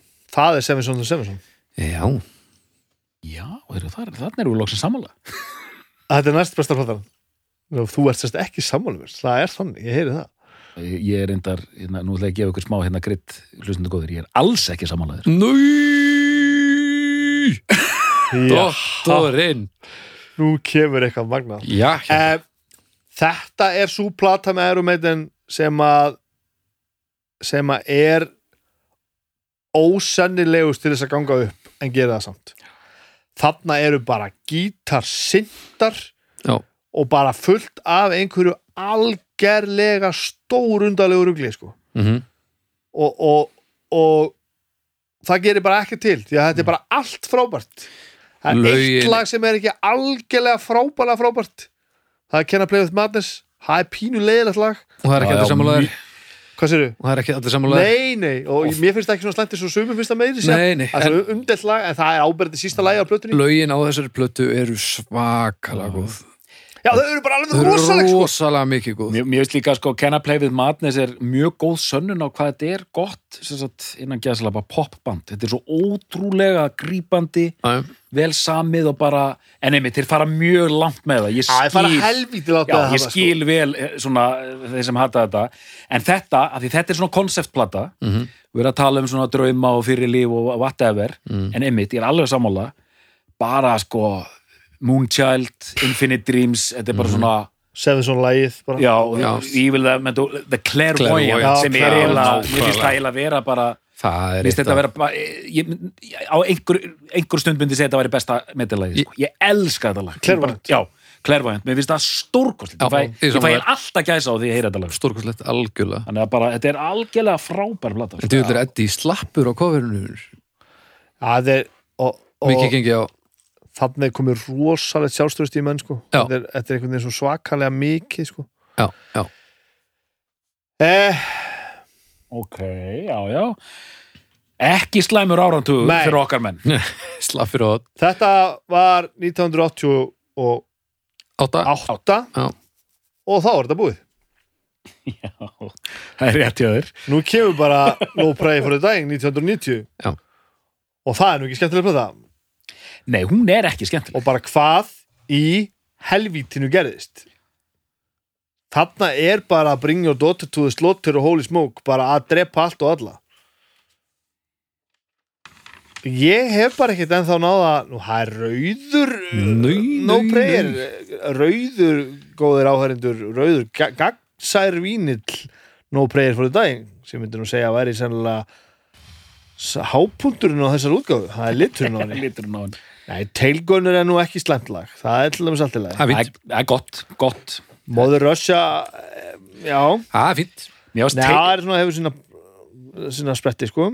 Tilgönnur vera svona vera endur sem ég æsist hæs Já, Tailgunner er, er gott lag. Sem, já, já. En þetta er gott. sem að er Já, rugla já, en þetta rockar, rockar vel sko. En ég skil ekki alveg hvað hefur gerst hérna í mildtíðinni ég einhvern veginn ef maður reynir að greina þetta bara með ma mannlega hegðun og úthald og svona voruður ekki bara búnir með allt hitt af tanknum alla, allt brjálaðið og tilgerina og, og, og þú veist le, leikhúsið og, og, og þetta allt saman. Var þetta ekki bara ég er nú með líka hérna no pray for dag, ég, er nú að veikara, ég veit ekki hvernig mín er á litin og ég aðtöða Tjekka þau, eru rauð, eru rauð? Nei, hún er svart. Hún er Það svart, já. Já, er ekki bara eins og þú segir þú, þú ert búin að eiga fimm plötur í röð sem eru allar ótrúlega frábærar. Já, þá svona en þeir svona, þeir gef ekki No Pray for the Dying er ekki hún er ekki einu svona hálfgóð. Hún er bara hún léleg. er bara ekki góð. Það er bara, er bara ekki góð svona rönn þá Þetta er bara ekki góð plata. Svona rönn tekur enda en það er bara spurning hversu Ég man- verður. Og þetta er svolítið brútalt sko. Ég man þetta kom út, ég var fyrst það fyrsta sem hér nexlaði mig var hvað þetta væri gróf teikning. Það ég gerist eitthvað, dálítið um. gerist eitthvað þarna sko. Já, bara það endur spekla dálítið þetta er ekki, þetta næri ekki alla leið einhvern veginn Og sko. þetta er svona, þetta er svona komist Já, Já, Þú veist, coverið er ekkert komist Það er bara fucking evil Já, það er, er rétt. Og þetta fyrir að smita, þetta fyrir svona breski galgopa hátturinn svona einhvern veginn að skín eitthvað í gegn. Eh, Þetta er svolítið svona eins og þess að ég verið að taka á margar ákvarðanir sko. Já. Við náttúrulega, er náttúrulega eitt sem við þurfum að, að, að nefna þarna sem er náttúrulega mjög mikilvægt að hér missum við mann sko. Hér missum við náttúrulega Adrian Smith mm. og Jannik Gers kemur í staðinn sko. Mhm. sem er náttúrulega stórkostlu maður sennilega besti gítarleikarinn í, í bandinu Já. en þannig komum við kannski mögulega að þessu sem við höfum talað svo oft um áður og náttúrulega er ekki nýsannindi eða gömul er ekki nýsannindi eða gömul það var annarkvort að þetta snýst náttúrulega ekki um hvort að einstak, einstakki menn séu snillingar sko. það er spurningin hvernig fólki sem er í bandinu bara Vinnur saman. Gjellar saman. Já, já, og mögulega var bara nóg að missa þarna eina rödd Mm. sem bara einhvern veginn bara var partur að þessu öllu saman. Já að- ég, mér finnst þetta samt, þetta, þetta var afsökun sem þeir ættu að vera að segja en ekki þú sko. En í öllu falli er þessi plata bara silly. Hún er bara Já, silly mér, mér finnst þetta þetta þeir bara hafa bara eh, prófað eitthvað og það bara virkaði ekki. en þetta er rosalega hátt fall einhvern veginn eh, tveimur árum setna, 92, kemur fyrir fyrir dark. Eh, það er aðeins klímið upp á við. Hún er- Já, já. hún er, hún er miklu miklu skárri sko. Ég hef alltaf verið, ég hef alltaf verið sökkar fyrir að sjút strengt Já, ég líka. Ég ætla að segja hún væri ágætt en mér finnst hún vera fín. Já, Ég- 7 af 10 sjö. Sjö? 7 af 10 Vá, ok, ok, ok, ok, ok. Þetta er bara fann átt sko En, en kannski er það bara einhver ró- rómantík í mér sko, af því að einmitt, þeir svona bánsuðu tilbaka Rendur, sko. rendur henni núna nokkur sinnum eða? Já, og það hérna, ég, ég er kannski að gefa mikið, ég meina, be quick or be dead, ég var svolítið hrifin af því. Er og skemmtilegt. From here to eternity fílaði það sko. Mm. að Freitur Strangers já sammála. Já. en síðan er mitt, fer þetta bara í eitthvað eitthvað sull eins og slæðir svolítið tónin fyrir framhaldi kannski. Fyrir þetta dark lægi náttúrulega orðið eitthvað svona Tónleika, algjört já. sko sem er náttúrulega, þú veist, er rosalega stemning og, og svona fan favorite aðeins svona á, þessari kynnslóð sko já, ég veit að ég, en þeir komið aðeins tilbaka, þeir máttu eiga það sko og þetta Já, er já. aðeins skárra heldur en hérna þetta þarna náttúrulega koma hins vegar gríðarlega vatnaskil mm. þarna hættir Brúst Dickinson í bandinu Já. hættir að syngja nú nú með eitthvað ítarefni hérna það sem er við að tala um flottur fyrst. þessi sko, hann, hann, hann Bibbi er núna að fletta hérna já, hérna ertu með Real, li- real Live One Real Live One og Real Dead One. sem eru tvær tónleikaplötur í, í, í, í serju og síðan þrefaldur vínill af hérna, hérna live at Donington. Já, alveg rétt, Mm, mér langar já. í þessa útgáfi hérna 92 já, já, já, og bara, þetta er reynda mjög fínir tónleikar. Þessir, þessir Donington Donington tónleikar Ok. þessi 92 ég man maður sjá að ég, ég, man að ég hlustaði á sko hérna uh, á hérna Real Live One uh, live útgáfuna af Freddy's Just Strangers gjössamlega í, í spað sko. Já. uh, Ég prógramaði prógrama prógrameraði Prógrima að Freddy Sutt Strangers í Nokia símanum minn fyrsta. Og það tók bara svona tvö ár. Já, já, já, Það var erfitt. En þetta er einmitt það er, þetta er allan að þetta er flott exit hjá okkar manni. Þetta eru fínir tónleikar, bara stuð. Já, já, já. en sem sagt, okkar maður bara farin sko. Bruce bara sagði skilju við það vildi bara fara að gera eitthvað annað. Fó bara helt áfram með sólóferðir sem hann nú byrjaði á og allt þetta. Já, passaði nú að ég seti þetta í minn bunga gætu þið, ég Nákvæmlega. rugglesi saman þín. Gæti stólið þess að Ég var að stokka meitinplötunar og, og aldrei, ekki það við undir að þekka það í sundur sérlega um, og það þarf að finna einhvern til þess að, að fylla þessa skó. Mhm. Sem er náttúrulega ómögulegt. En var ekki hægt að gera þetta aðeins betur? Aftur. Þetta er svona, já. Hvernig er þetta að falla svona rosalega hátt með no prayer for a dying hvernig er hægt að skjóta svona ofsalega mikið framjá með að hefði ekki verið hægt að finna einhvern annan sko. Kjaftasagan segir náttúrulega að Eiríkur Hauksson hafi verið í, í, Í púlinu. ég veit ekkert hvort að þetta er satt. Ef Eiríkur hefði verið valinn Já. þá væri hann ennþá í bandinu Heldur það? ég held það með fullri vinningu fyrir, fyrir, fyrir Eika sko og ég veit hvað hann getur, ég er nú að spila með honum sko Mm. uh, Hvað var það að spila? við erum, erum, erum bakkamónfélag Já, næs. nei, við vorum að spila þungarokk saman Spilavinnir við hérna og ég veit hvað hann getur og hann er hann er, hann, hann er svo miklu betri söngvari heldur, heldur og margir held ég átt að sjá og fáránlega gaman að spila með honum bara hvað hann getur sungið og, og, og sviðsvann koma hann og allt saman hann er svona þessi gaur þrú en þrú og maður sér Já, alveg að hann myndi, hann myndi passa svo fullkon inn í þetta hérna stemninguna svona æðurlaus töffargangur Mér og svona- svona. Já. Mér líður svona með þrása já þráin er bara, Þráin er- bara hann gæti verið erum Við gætum rétt Maiden þráin og þeir þurftu ekki að gera neitt. Nei, þeir þurftu ekki svona að æfa sko. Nei. þeir þurftu ekki svona að hitta hann. Nei, nei, nei, það þurftu ekki að gera. Þeir þyrftu með þessi aldrei að hitta hann. Það þurftu að sviðið er svo stórt að þeir getur spilað á 200 tónleikum og þeir þyrftu aldrei að hitta Þeir þurftu að taka hann úr skálmaldabólnum og setja hann í Iron Maiden ból og það var það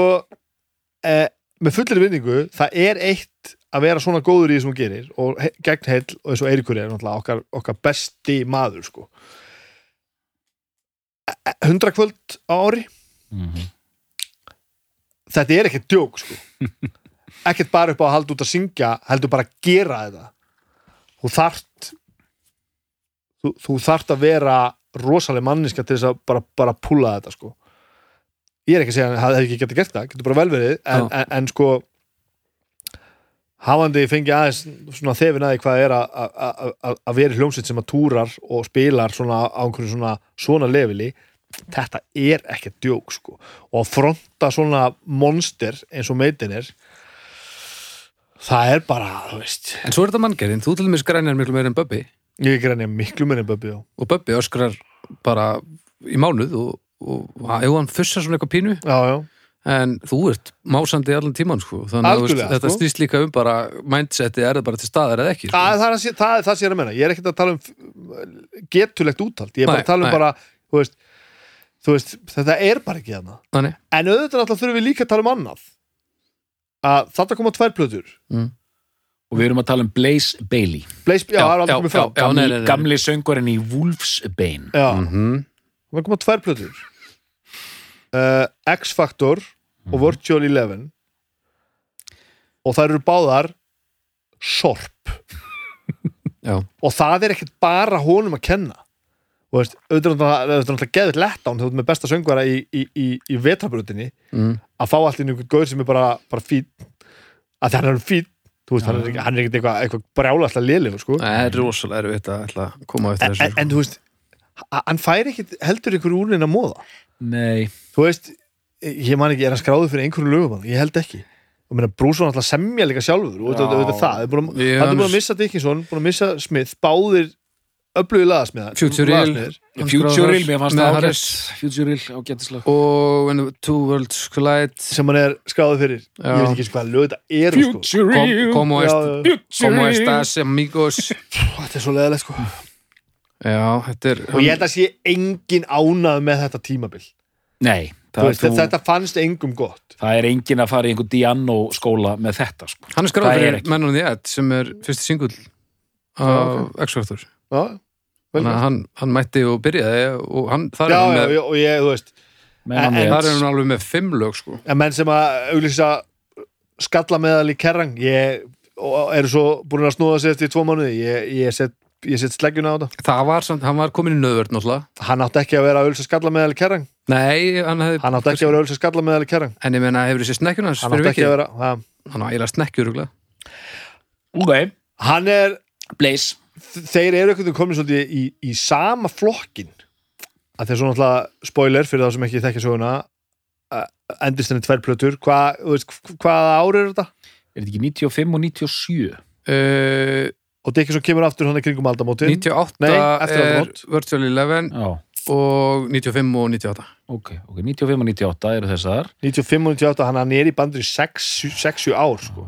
Já. bara var ekkert að hann meikaði ekki túrana sko var það þannig? já, hann meikaði ekki túrana úthaldslega sér Já, þú, það er að þannig Já, hann já, já. bara gati ekki sungið ég var bara eitthvað að giska hérna á hann sko. að bara Harris Emmits bara, hann bara, þú veist þetta, þetta gekk ekki upp þetta er bara hann bara náði ekki að hann gati ekki sungið nei, nei. Vá, Nei. það eru það Svo eru er erf, erfið kvöld kvöld eftir kvöld að stíga á sviðum aðeins en já, það sé að segja svo þú veist, þeir sem að vantar að vita nú flestir að Bruce Dickinson byrjaði svona náttúrulega aftur í bandinu Mhm. og núna eru þeir einhvern veginn tveir sköllóttir og feittir Mhm. Paul Diano og Blaze Bailey eru svolítið einhvern veginn svona ekki alveg með þetta, báður einhvern veginn að stíga á svið og spila Iron Maiden lög svona reyna einhvern veginn að lifa þessu kannski bara eðlilega, þú veist, og meina eitt sem er líka þarf að segja þeir voru báðir söngvarinn í Iron Maiden. Já. við vorum það ekkert sko. Veist, það er rosalegt að hafa verið það sko, það er geðveikt. Já, en svona einhvern veginn og, og, e, e, og ég held að Blaze Bailey sé bara fýtt kall. Ef maður skoða við við hann og svona, hann er bara, þú veist voðalegur sko. Alveg voðalegur. Meira grei en já. Og með ægilega barta. Mm. uh, ég veit ekki hvað gerist á þessum tíma hann á milli, hvað þessar 98 þetta er fjögur Já. ár sem líða, þannig að Brefni World kemur út 2002 Já. Hann kemur aftur sko og ég minna ég fór og sá Iron nei, Maiden 2000, ekki 2002 þetta er 2000 2000 ég, endur komið tónleikar endur, kom, endur komið tónleikatúr Bruce Dickinson var 99 Mhm. og ég sá þá spila höstið 99 í París sem voru fyrstu Evrópu tónleikarnir með hérna Dickinson aftur, um, aftur komin um borð. Var Adrian Smith þá líka byrjað þeir svo byrjað þeir á sama tíma sko. já, já, já, já, Adrian Smith líka. Nú. Og þeir höfðu byrjað aðeins í Ameríku koma sér nefið til Evrópu. Mhm. og hérna uh, tónleikahöllin, tónleikahöllin heitir Ber, Ber, Bercy Merci Bercy. Og hérna 15.000 manns Mhm. eh, ekkert, ekkert risa, 15.000 manns en bara, þú veist, alveg full höll. Mhm. Og ég og Móhauður, kona mín vorum að það og bara tónleika maður að meitin og þetta var alveg stórkoslegt heyrðu, hvað gerir okkar maður? hann auðvitað talar á frönsku allan tíma já, já, einmitt, það er ekki lægi með hann. Úlegt dæmi sko. og þarna var seldur one-off bólur hérna sem Eddie er að borða hérna Eiffelturnin. Ég sá hann, djöðlega er þetta flott hugsaði ég. Ég sagði, "Æ, ég nenni ekki, já, ég kaupa hann bara á eftir. Þetta var hann uppseldur sko. ah, frikalegt sko. Svona er þetta stundum. eBay, eBay maður, þú voru að bara voru að vakta þetta en síðan hendi plötus þetta 2000 ég sé Iron Maiden þá bara þarna tæpa ári eftir þér. Mhm. ég sé þá um, á Dynamo festivalinu í Hollandi. Hmm. þá sagði ég Slipknot með, með fyrstu plötuna sína. Já. Núna, þá svona verða fínu band. Eh, og ég keifti í Brave New World plötuna rétt áður en að ég fór út. Hún bara kom út bara þannig að dagana sem við vorum að fara. Hún kemur ekki út bara hann í sumarið? Jú, uh, byrju Ég vil bara fletta upp. Og ég bjóst ekki við neinu vissi, jú, jú, eru komin Mæ. aftur og eitthvað svona. Lók mæ. Lókmæ, já, það var- passar, ég er bara að fara út þannig bara. Ég var að vinna í Apis mitt, mann þegar hún kom inn.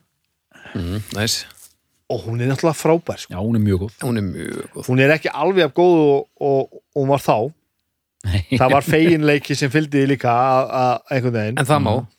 Það er alltaf leið og svo hlusta ég á núna í, í þessu aðdraðanda þessum þætti. Og hún er ekki alveg svona frábær sko. En hún held hún er alveg góð samt. hún þarf ekki að vera 300 klukkutíma samt. Hún er rosa löng sko. þetta hefði ekki þurft að vera svona mikið sko. Já, já, e, e, hún er rosa góð, hún er rosa rosa góð. Og rosa gott bara að þetta skildi gerast aftur sko. já, og þetta, þetta gig sem ég sá með var, þetta var frábært sko.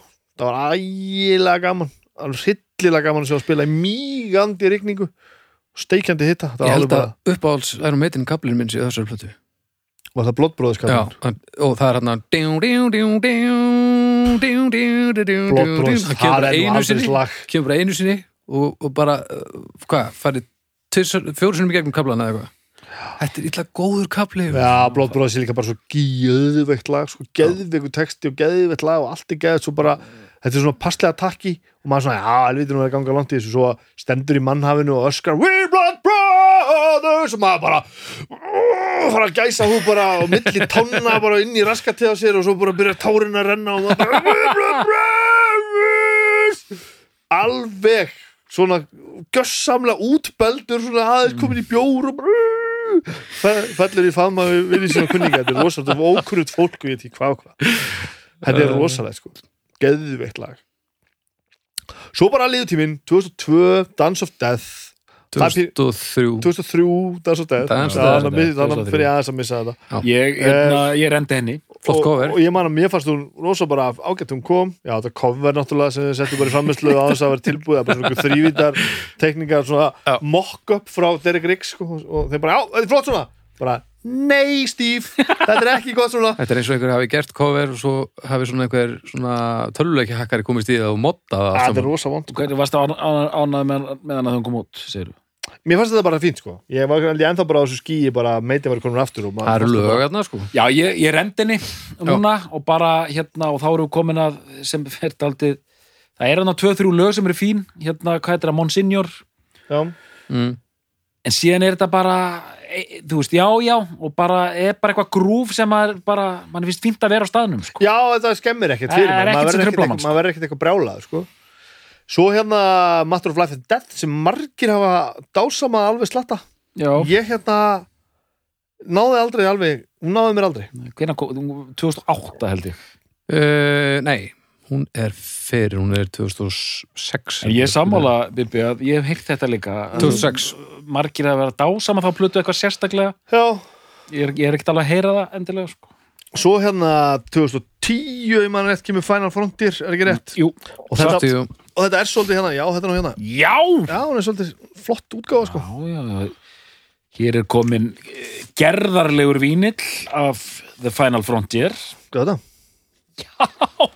Nú, er ekki djók, sko. Myndplata. Já, tvöföld, tvöföldu myndavinni holy moly það er nefnilega flott sko Þetta er rosalega gúl. Já, hún er, hún er dörrullu flott Ég hlustaði greinlega meira á þessa plötu á sínum tíma þegar hún kom út heldur en með myndi finnst að ég er endin núna og ég þekkti þetta eiginlega allt Já, ég, Hvað var ekki neitt sko uh, Það var, hérna, það var nú okkar maður hérna, Eldorado, var það ekki? Jú. Var hvað séru? Var það ekki smá, fyrsta? Jú. Eldorado. Jú, jú uh, Og samkvæmt Viki eina Það er svo flott plata. og hérna Já, og síðan er það bara... og svo bara 2015 kemur náttúrulega meistarverki Book of Souls Já, já, já. Book of Souls. og þetta er með hérna á vinil uh, Við erum svolítið að skauta hann alltaf yfir þetta Final Frontier, ég veit ekki hvað þú veist, mér fannst hún bara dörrullu fín sko Já, sko, ég, nú, nú er þú útskýraðast með Book of Souls, að því, einmitt, Book of Souls, Final Frontier, Matter of Life and Death, fyrir mér er þetta bara, þetta er bara svona gott grúf í öllu. Master of Life and Death, ég hlusta ekki ekkert vola mikið á Nei. hana en ég náði henni aldrei og ég hlustaði eitthvað á hana núna og bara svona já, já, ég skil alveg að einhver Já. ákveði að hún væri frábær og bara náðu sambandi við hana mm. en lög hérna, riff á hérna talismann, frábært lag fræðinu frontir lagið hérna, frábært veist, þeir eru eitthvað að leika sem með eitthvað svona alls konar runga eitthvað, þú veist þetta intro hana á plötunni er stór undarlegt þú veist, þetta er svona, nú er ég að um fræðinu frontir hins vegar finnst mér. Book of Soul, segjum með hérna í- á þreiföldum vínil, gjör svo vel. Þetta er svo Þetta- að halda á yes-plötu. þetta er bara svo að halda á bílnum sínum. Þetta er rosalega stykki sko. þetta er alveg uh, myndilegt þessi plata finnst mér ja, í alla staði algjörlega frábær Já. Já, uh, mér finnst hún bæði, mér finnst lögin vera frábær Já. mér finnst hann vera eitt uh, hún er ævintýralega svona laus öll þeir spila hann allir bara live og þeir, þeir bara þeir bara rugglast Já. þeir rugglast ekki eins og kannski einhverja stórkostlega feilnótur en maður heyri það bara að þeir viti ekkert alveg hvernig þetta á að vera sko. Nei, nei. það er frábært, Jóngir bendi mér á hérna það er eitthvað viðlas, ég man ekki alveg hvað er og hann- hann á einhver eftir að segja mér þetta á umræðugrúpunni það sem að Nico er bara að spila viðlagi á rætin Mm. og fer svo bara yfir á hægatin til þess að fara aftur í versið Já. en þá er bara viðlagi aftur Já. hann, hann tekur bara tvö slög á hægatin eitthvað og fer svo bara aftur yfir á rætin hann er bara að fara að skipta um kabla en hætti svo bara við sko. Og það er eitthvað svona snild við þetta og þetta er náttúrulega ótrúlega hérna Að einhver segir að þessi snill þegar maður kann ekki lögin já en ég meina þú ert líka búin að þá ertu búin að vinna fyrir Já, já. í 40 ár sko. Nákvæmlega, sko þegar ég er í þessu plötu fyrst þá veist mér frábær svo hugsa ég 90, 90 mínútur eða eitthvað, rúmlega er náttúrulega, og, og þarna, og ég hugsa bara, nei, það má að engin plata á að vera 90 eitthvað mínútur en svo manni bara, þeir eru ekkert að þeir eru ekkert að semja þessu plötu fyrir mig eða Nei. neitt annan sko. þarna nefnilega komum við að því þarna held ég að sé stórkostlega dæmið um það og ég held að sé eina skipti á ferlinum og eina skipti náttúrulega bara ég held að sé bara mjög sjaldgeft að þetta sé alvörinu þannig Já, að eitthvað entity á þessu á, á, á, á hérna uh, í þessu tilfelli hljómsveit sé farin að sko að búa til afurðina, listina mm. Í alvörinu þannig að þeim er drullu Já, sama já. hvað okkur finnst. Já, ekki bara svona, já okkur er alveg sama hvað okkur finnst. Þeir, þeir eru bara ekki að velta því fyrir sér. Nei. og það er bara, strákar þetta er plata nummer 16, við erum búin að gera þetta í 40 ár, ég er með hugmynd. Gerum 90 mínuna plötu sem er þrefaldur vínill gerum eitt lag sem er 80 mínútur, það er Já. lengsta lag sem við nokkuð tíma gert. Setjum það síðast og, og það er píanóið því bara. Það er bara alls konar eitthvað. Mhm. Og mér finnst þetta bara vera algjörlega snildalega snildalegt. Mm. mér finnst hún ekki jafn góð og, og, og 80s rönnið þeirra. Nei. eða ég myndi, nei, þú veist eh, enda náttúrulega erum við að tala um eitthvað allt allt annað, það er svo margt sem hefur gest hérna. Uh, ég er nú með eina plötuðinni viðbútt sem ég langar nú að sína dóttarnum það er nú þessi hér Já, The Book of? Souls live chapter. Ú, þetta er li live túrin sem er gefin út á svona samsvarandi vínil, þrefaldi vínil svona þrefald gatefold og, og bara rýmar í alla staði, þetta er ofbóðslega fallegt í hillu sko, hérna rendu í gegnum tracklistan á, á live, Eternity Should Fail, Speed of Light, Wrathchild, Children of the Damned, Death or Glory, The Red and the Black, The Trooper, Power Slave, Great Unknown, Book of Souls, Fear of the Dark, Iron Maiden, Number of the Beast, Blood Brothers, Wasted Years. Og mjög falleg myndaðum hérna. Að fagna hérna með, með 100.000 manns fyrir aftur að segja hvað það er nú sko. Og Jannik Gers í hérna hvítum hérna hvítum stregaskom frá 85 já, en Nico að inn- hérna á töflum sko, bara flottur á því sko.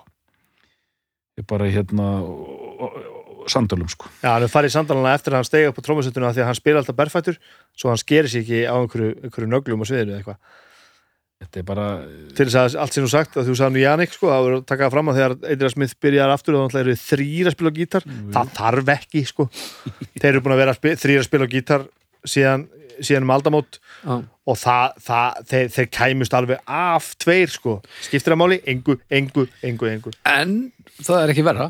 En þegar þeir gerðu þetta og túruðu þessa plötu og voru svolítið sínilegir þessi, þessi platan alltaf vakti aðtekli og þeir gerðu þetta vel og plögguðu hana vel og, og ég held að margir að fengi þetta á tilfinningur hvað þeir voru bara snildalegi sko mm. Gaman að vera í metin þarna bara kom það í gegn Já. þá bara, þið eru búin að gera þetta í þúsund ár ykkur finnst þetta greinilega brjálaðislega gaman ég man að var sendt út live á YouTube held ég tónleikar frá Vakkan Já. meitan, sko síðasti túrin held ég of Souls túrin sem bara hana þremur árum eftir þið fór að staða eitthvað mm. og það gigg var bara svona það var bara eins og þau var að fagna því að vera orðnir heimsmeistarir í tónlist. Þetta var bara svo þetta var svo confident og þetta var svo brjála og dykki sem bara með einhverjar ræður og það var, þetta var í kjölfara einhverjum hriðjuverkum Mm. og hann var bara að segja fólki að vera bara almennilegt veist bara, og hann maður sem hann er hann bara tekur mikrofónin og byrja bara að tala og bara með fjóra áratugi á ba bakinu með allt þetta sem þú voru búin að gera tala við hundraðs manns á vakkanum að bara og, veist, og, miljónir út í heimi sko Mm. þetta var bara viktin sem þetta hefur sko mm. En mér finnst merkilegt sko Já, einmitt Þetta er svona Ég, ég mann þegar ég heyrði Book of Souls á sínum tíma og bara naut þess að hlusta en þú veist, nú nú ekki farið jafn djúft og, og Bibi, en hérna mér fannst þetta svona eins og hún og plötunar á undan það er, það er engin engin á sem plötu fyrir eitthvað í tögunar á mér. Mér finnst þetta ekkert lélegt Nei. en kannski ekkert eftirminnilegt heldur. En mér finnst svo þægilegt að heyra bara þennan hljóðheim sko. þetta er svo að fá gamlan frænda sinn í heimsú og hann, hann sest svona við eldursporðið og bara, því finnst gaman að hitta já, e- einn af þessum fröndu sem hún nennir að hitta. Hann einn að síðan enn að hitta. Já. Mér finnst- mér- og mér finnst væntum hann, mér finnst mjög gaman að fá hann já, og þú veist, ég hef heyrt þessar sögur allar áður ég meina. En bara þægilegt þægilegt grúf. Já. Og auðvitað erum við komin á þann stað að menn eru alltaf odnir 60 okkar og gamlir og, og það er búið að gera allt í heiminum.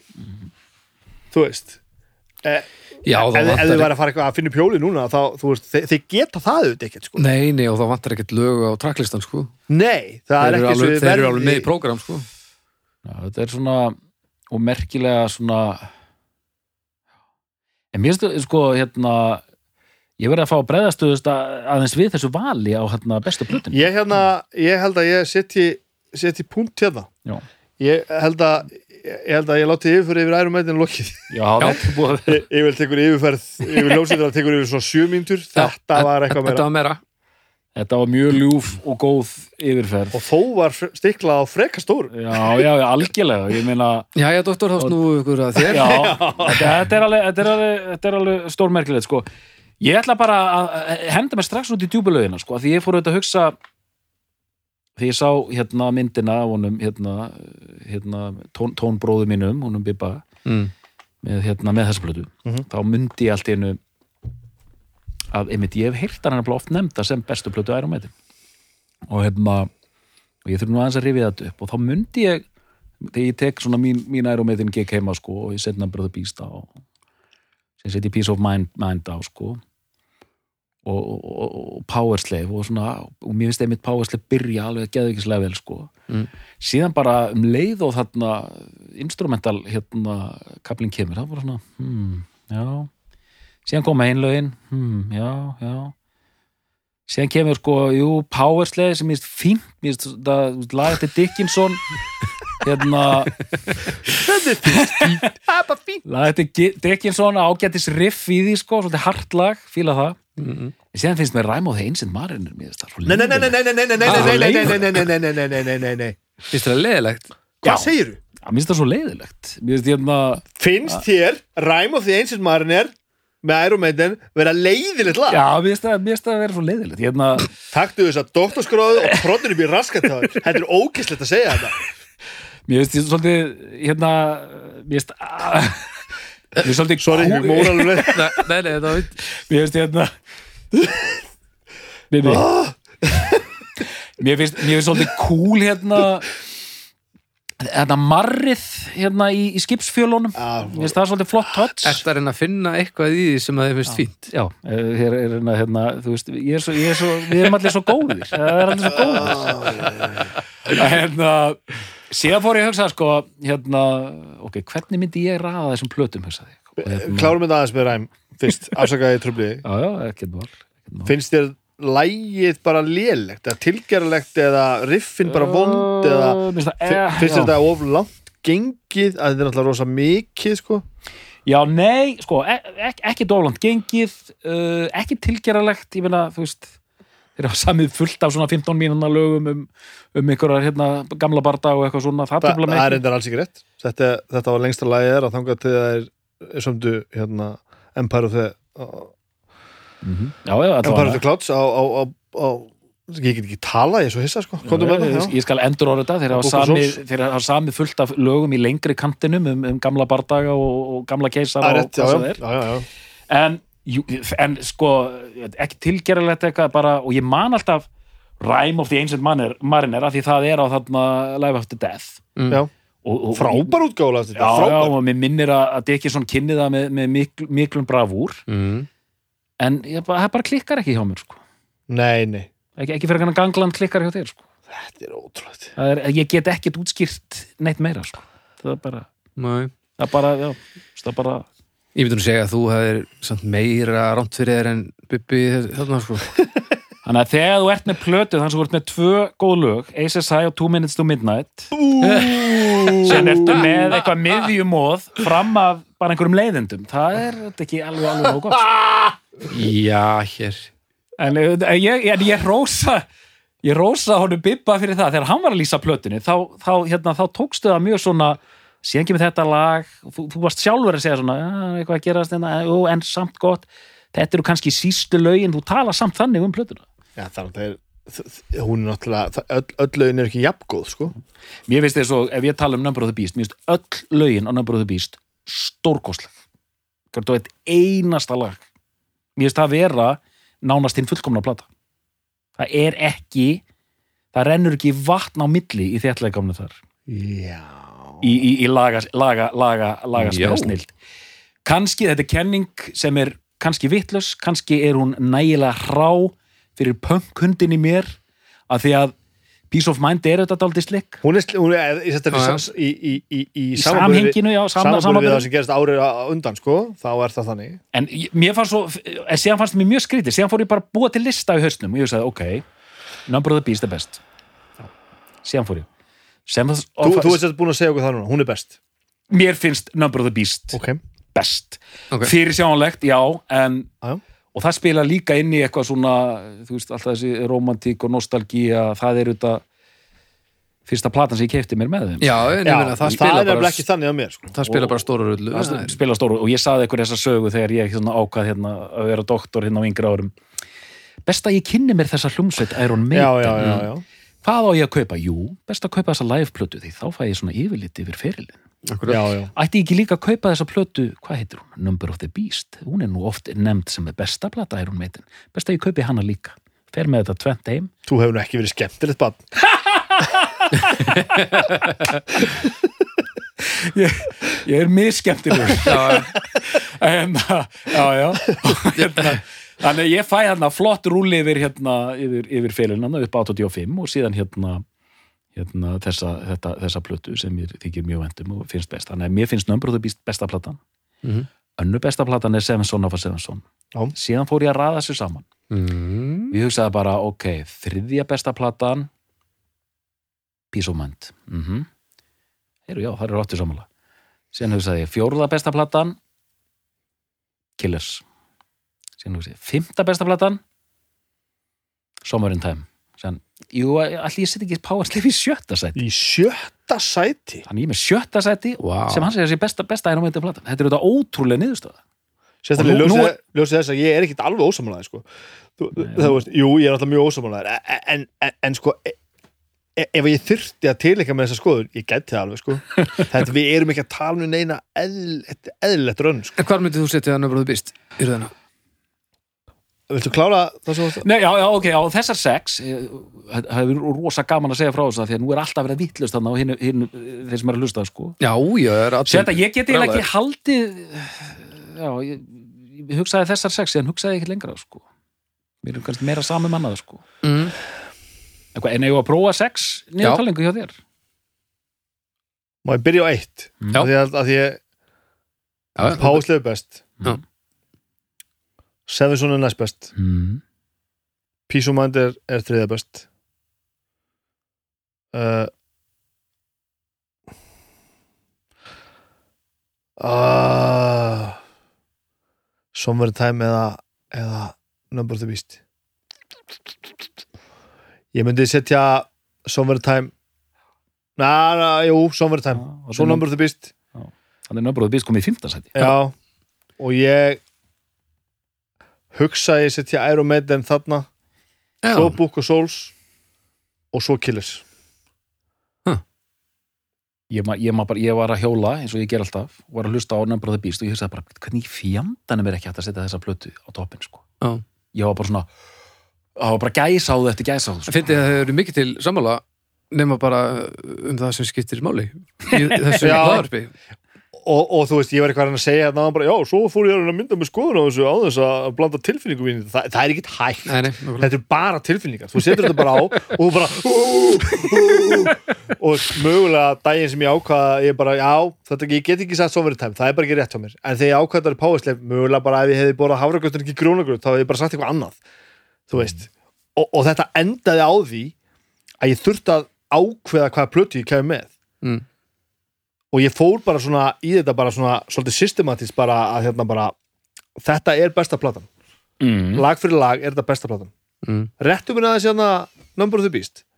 Þú gerir þetta bara yfir rónagröndum já já, ég gerði þetta bara ekki gróða nei, ég gerði mikið í bíltútum með hérna, eftir með to Midnight og Aces High smáskipta báðar Ég með sko upprunalegu 2 minutes hérna, Tali smáskífuna. doktor Ég er með upprunalegu 2 minutes hérna, smáskjöfna en þetta er endurútgáfa Aces High og hérna 2 minutes to midnight hérna, saman í svona tvöföldu wow.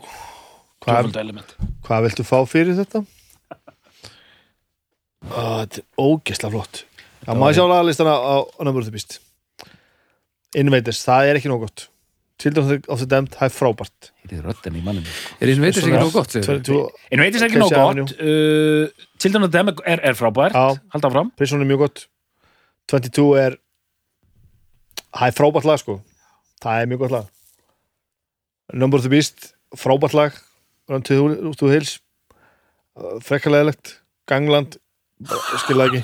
Svipurinn á hils Rönduðu hils leiðilegt Gangland skilu það ekki. Nei, Hallóðu býða neym, frábært lag frábært lag. Já, Við erum samt með hérna við, sko, þetta er ekki nema átta lög sko það er svona 45 sem eru bara svona mm, eh, Ég myndi segja, sko, sísta lagið fyrir mig er Acacia Avenue. Mér finnst það svona sísta lagið. 22 Casey Skal Avenue. Já, skal viðkynna ok. Já, Skal viðkynna það En Mér, hérna, ég, ég held að sé sísta lagi kannski pyrrar það mig að mér finnst þú ekki opna nógu stert. Invader! Hvað hefði verið átt að opna? Hvað hefði verið sniðut? Opnaði þetta bara Rönduðu hils til dæmis. Opna bara á Number of the Beast. Þannig að bröðu býst, já. Ef hann væri bara öska 666 bara í fyrsta lagi þá hefði bara á, þetta er fucking geðvegt Ég veit að, við erum búin að gera 51 þátt af hlaðvarpi og það gengur svo vel hjá okkur. En við getum ekki sett okkur á það að stalla við sem að endur á Iron Maiden plötur bara svo að það sé, sé sagt upp átt. þetta er satt. Ég held að, ég held að við sanna sér loksins núna í- þætti 51 okkur baldur er þetta það er bara til þess að bara þarna fyrst kom bara hér er ég af ástæðu vil ég gjöra svo vil að hafa ykkur Þetta er hæga ekki lægi Það byrjaði þetta með efasendum um hvenar bandið verið stopnað og síðan eru við farin að endur að já, laga já, það, og það er ekki lægi sko. þetta er svona, þannig að við höldum bara áfram eins og ekkert hafi Din din din. Din Din din din din din Din. Din din din gott stöf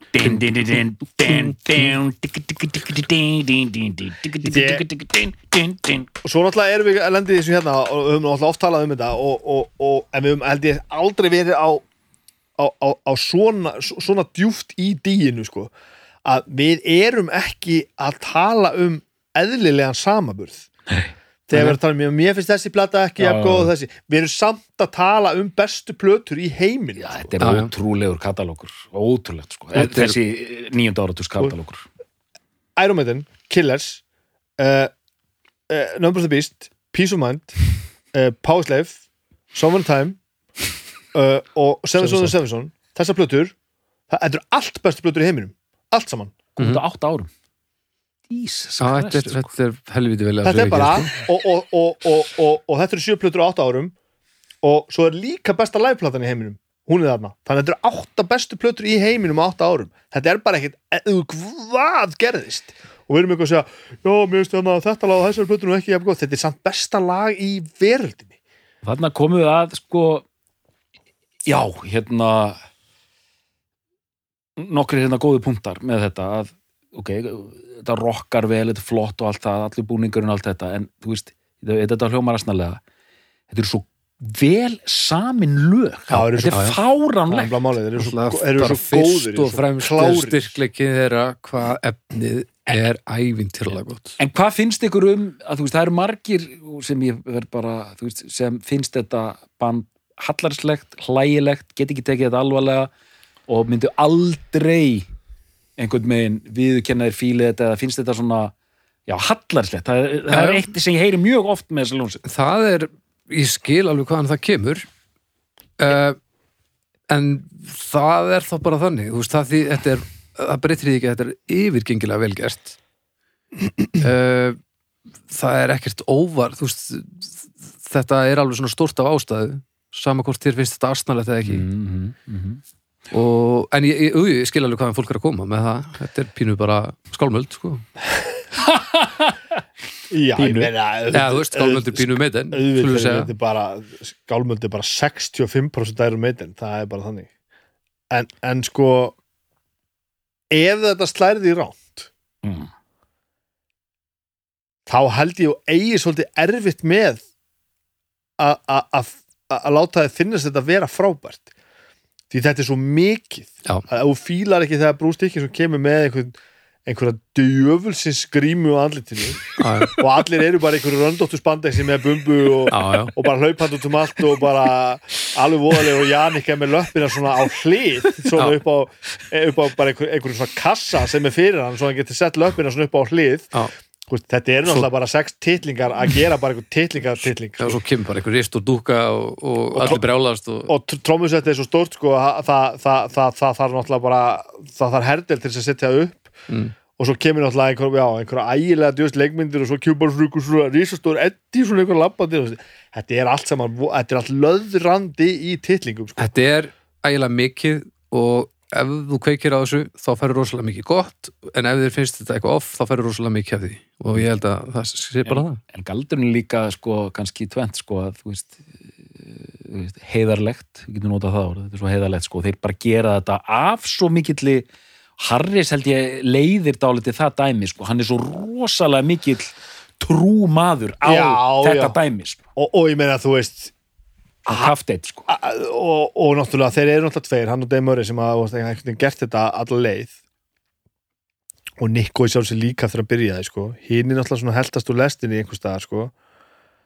uh, en, en ég ég er úr sammálaðir Harris er náttúrulega maður sem auðvitað lætur, þetta gerast og gleymu því ekkert hann var þarna bara í sko heilan áratug eftir að vera búin að vera sko súperstjarna var hann bara að draga Blaze Bailey á buksnastrengunum upp á svið að spila bara fyrir, þú veist 2000 manns sem er ekki töff þegar þú er búin að vera- að fylla leikfanga á fullu. Hann, hann grændaði þegar hann þurfti þess. Já. og það var það sem ég fann svo frábært í saman þetta búk og sólsmál hérna, þess að segja þetta með að þú veist, að gera þetta á sínu fósundum bara fyrir sig. Skein bara í gegn öllum viðtölum allstaðar, þeir eru bara að fíla þetta Eru bara, verðist bara að vera perlu vinir eftir þúsund ár og allt sem, mm. sem áður gengið ég veit ekki, mis þú veist, ég geti segja þessu allir vinir, ég ekki hugmyndu það það er auðvitað að feika svona einhvern viðtölum Mm. allir að gera það því nennaði að fara bara saman í golf já, já. og eru bara gamli kallar og segja bara brandara og, og eru bara einhvern veginn slakið með þetta og nikku allt innu frelsaðist og, og þú veist, eru bara eitthvað að gera þeirra þing frelsaðist hann? já, hann born again Christian Nei! jú, jú, allt í voða, þetta er allt í einhverju svona engamála voða, þú veist Bruce var að skilja konuna sína hann einhvern tíma nú fyrir nokkrum árum svo dó svo bara í hurra merkilegt líka hvað góðir umbóðsmenn hérna svo er það nefnilega smólgótt sko. U2 voru líka hefnir að þessu leitinu til að vera með sama grjótharða managerinn Mm. í einhver 30 ár Já, sem einhvern veginn heldur þessu svo ég vísi henni baldur, heldur þessu á teinunum. Já. bara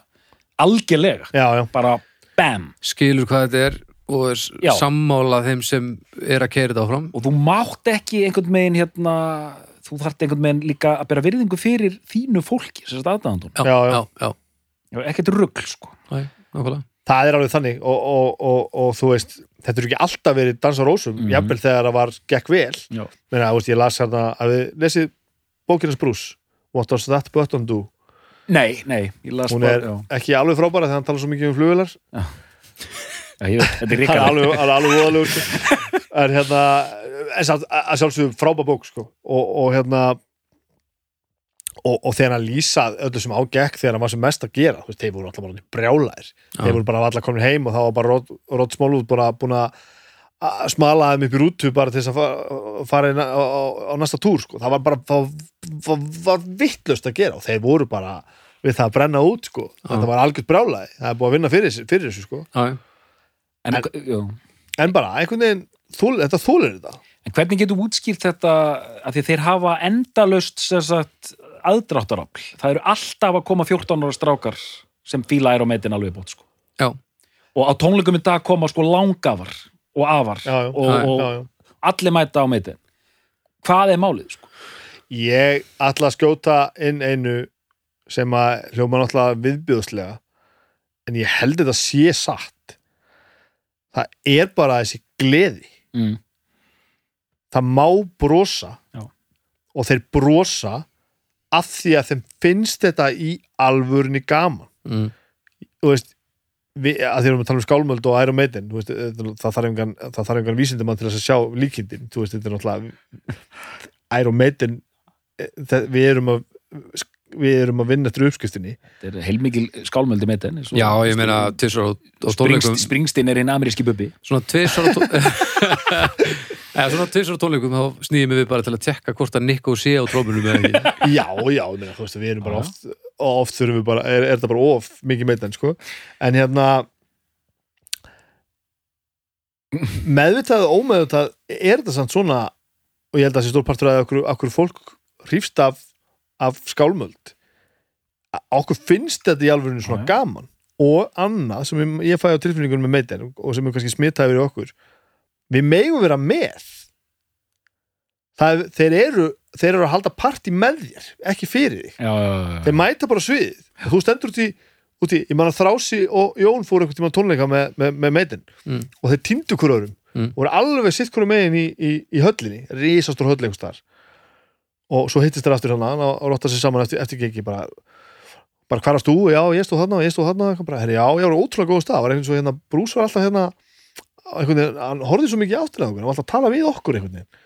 Og þrási bara já, við, lí, já líka í okkur. Og þá fattar maður alltaf bara Gaurin er bara eitthvað ofurminn hann talar bara við alla á staðnum ekki Já. sem einhvern svona einhvern svona, einhvern svona breiðu af fólki Já, já. hann er bara að tala inn í auguna af þér Já, sko. já, já, hann er með þetta já, alveg sko. hann er rosalur í þessu og þeir bara mæta allir fram á sviði gefa sér allir í þetta, horfa á þig, brosa þú veist, þeir eru að gera þetta í fucking tíu þúsundasta skiptið Já, eru við alltaf svona glaðið þegar við förum á svið ég og þú Baldur?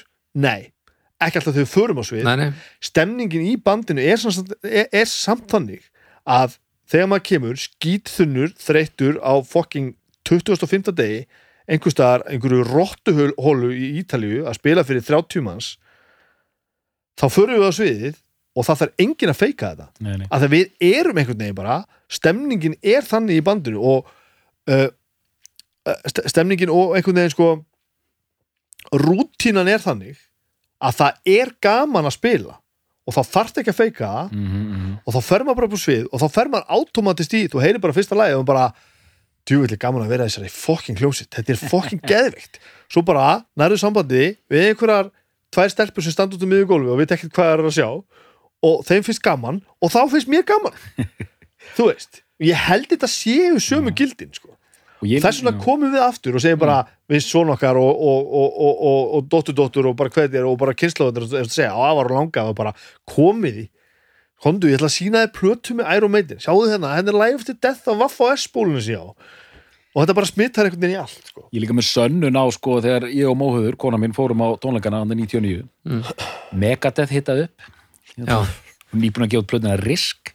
Já, um, ég, það, ég var alveg bara alveg galinn sko, bara rosa spenntur og Móhauður fer svona með og hún alveg sko, hún fílar þetta alveg skilur, fílar hérna þú veist, two minutes to midnight og allir, all- allir þessi slagara sko, bara, á, bara geggjað Mhm. komum það og eins og þú varst að lýsa hérna Bruce Dickinson, hann, hann er hérna hann gjössanlega vafði öllum bara um fingur sér Já. ég hef aldrei séð hann að eins hann er einn af þessum einstaklingum það er eiginlega engir svona til sem eru bestir í öllu en geta talað við alla þannig að Já. manni líður ekki illa með sig þetta er alveg ótrúlegt sko. hann einhvern veginn, maður er alltaf með honum í liði og samt er hann miklu betri í öllu heldur en maður sjálfur Ha, og, og, og, og bara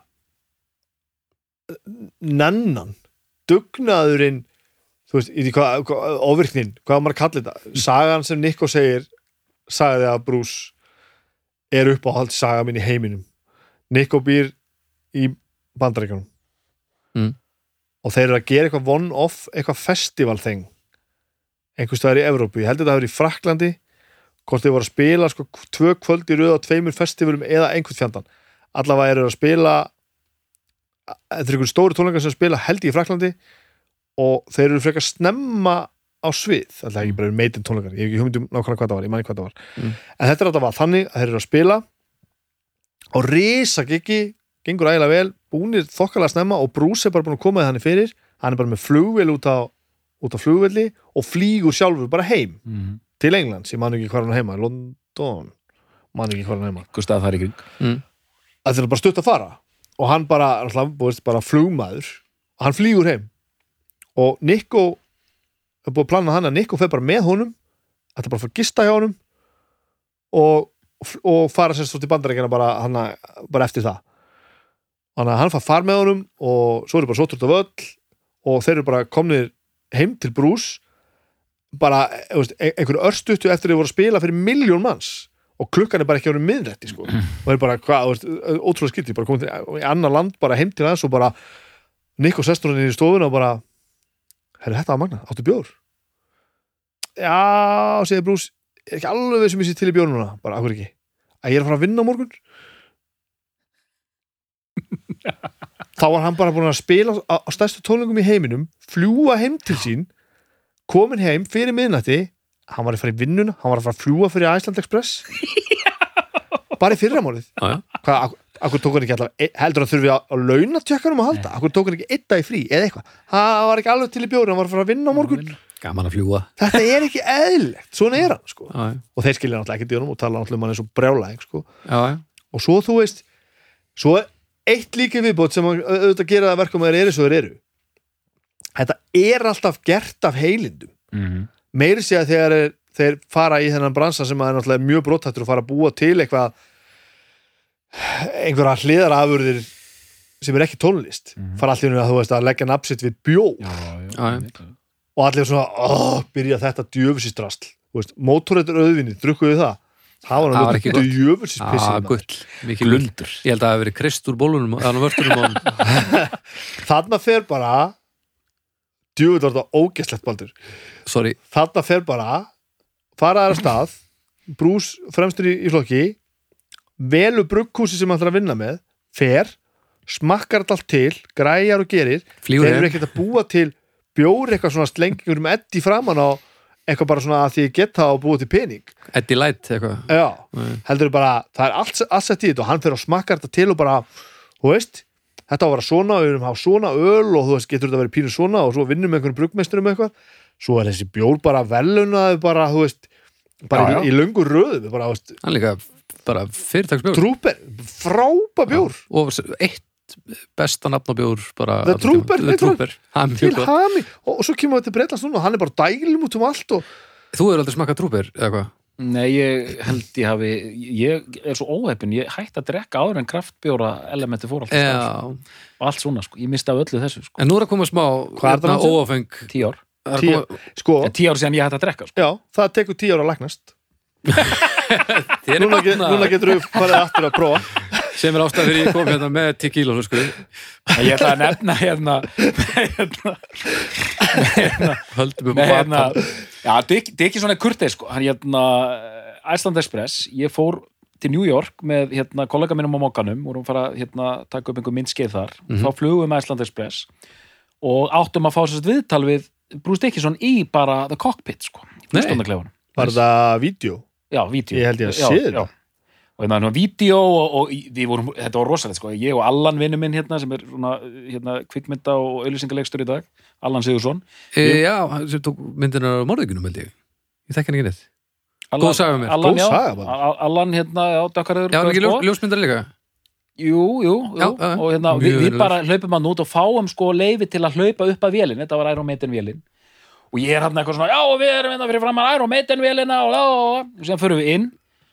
En þá, þú veist, Icelands Express klúður, sko, þeir voru ekkert búin að láta Dickinson vita, sko. nei, nei, Nei, nei, nei, nei. Ah. Og, þú veist, og við vorum að byttu, byttu og ég sagði byttu premissi var þetta við áttum sér að, að við áttum að taka stuttu viðtal við hann og síðan fljúum við út og svona og það var, það var þessi pakki og eitthvað svona, þannig að þú veist og, en við þrýstum þessi gegn og ég fer hann inn og þá er hann auðvitað eðlilega bara svolítið pyrraður en bara, og segir svona með mig ángríns, fimm mínútur strákar, fimm mínútur, ekki meira. Og þá stressast ég auðvitað allur upp sko, og þú veist, hérna ætlaði eitthvað aðeins að spinna þetta en þurfti svona setja í ofurspinnið sko, ná all, allt sem ég átti sko. Mm. og fyrir bara hvað tala hann, já, hvað segir þú gott og hérna, og hvernig er að fljúga og svona og hvernig er hérna stemningin í bandinu svona, er það að fara að leggja nýja plötu? Og hann svaraði öllu bara konkrétt konkrétt, vissi hvað hann þurfti að gefa alveg svona og, og fýblaðist aðeins í lokin sko, hérna, þú veist, fer eitthvað að djóka og eitthvað svona sko.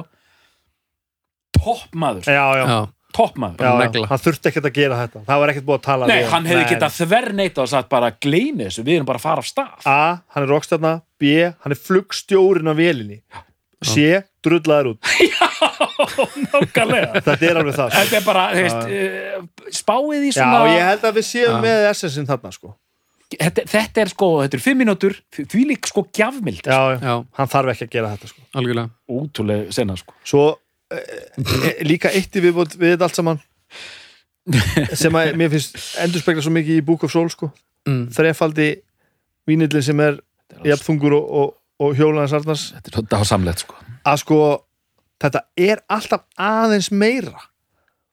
Já, það kemur bara hérna, þeir eru búin að vera í hljómsveit í 100 ár þá bara, strákar nú ferðist við á flugvill og það það fyrir bara geðveikt production teimi í gang bara hvernig getum við túrað heiminn á flugvill þetta er aldrei verið gert. Mm. þetta er ekki drugg pakka öllum græjunum, öllu krúinu öllu saman í flugvill Mm. og fara svo bara mellir heimsál og bara húp, húp, húp alltaf komið ljósa engin þóldið þar alltaf komið með jetlag og fattur að drulla og æla á sig bara eftir, eftir tvo daga já og verður sennilega að fjalla um kólöfnisbórið í sögubókum svo, svo þegar það er búið þá bara hvað gerum við núna?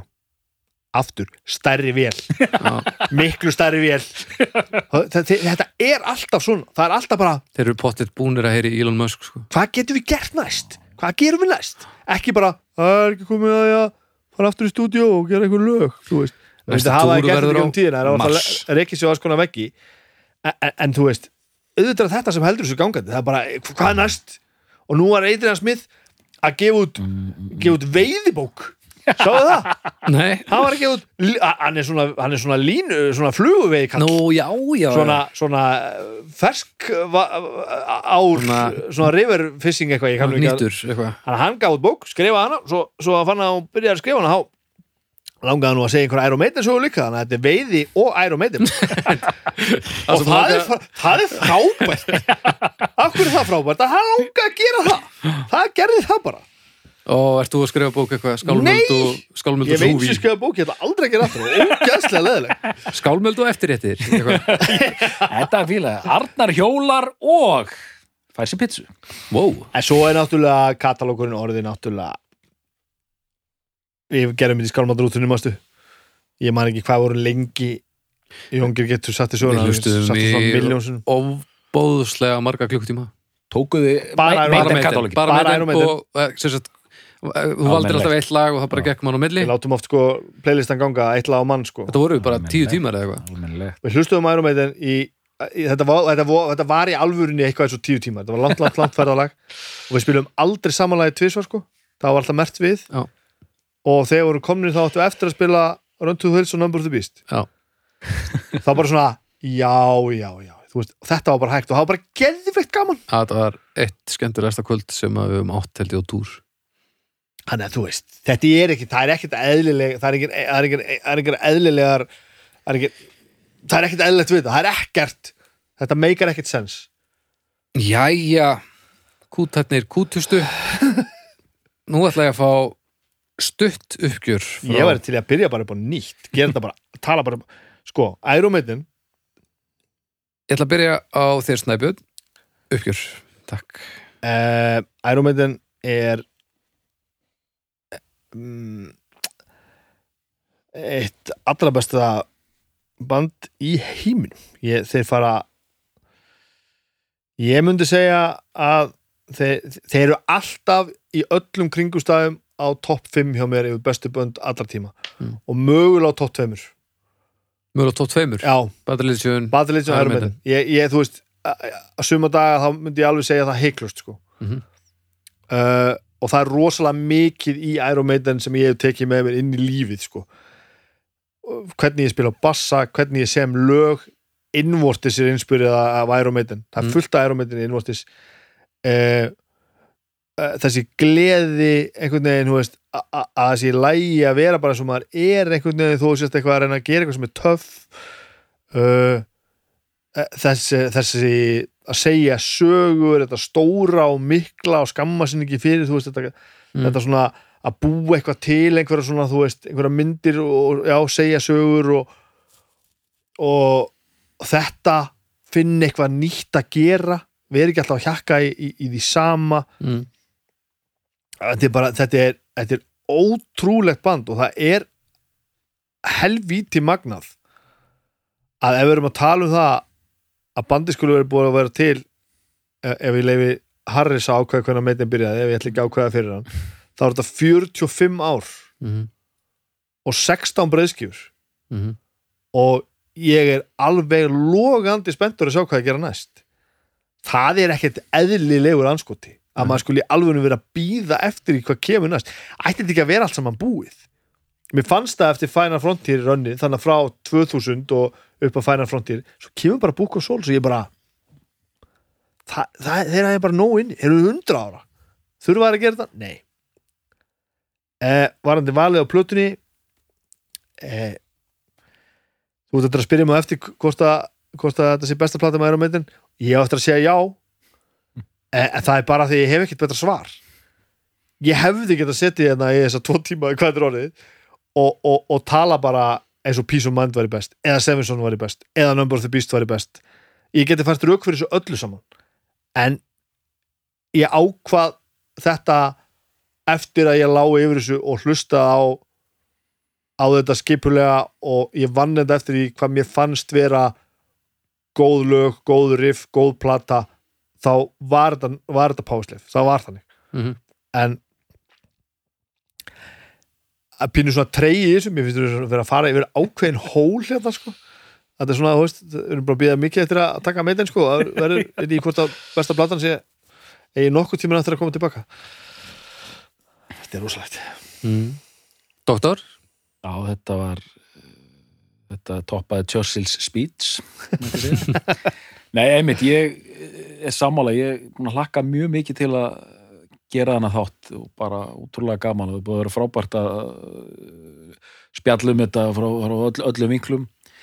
Ég hérna 19 ára gamall setn til fer hann inn í plötubúð hérna sterill hérna ungur maður sem ætla að kynna með hljómsveitin Iron Maiden Mm og verðu þetta eh, fullkomlega yfirmáta ástfangin sko.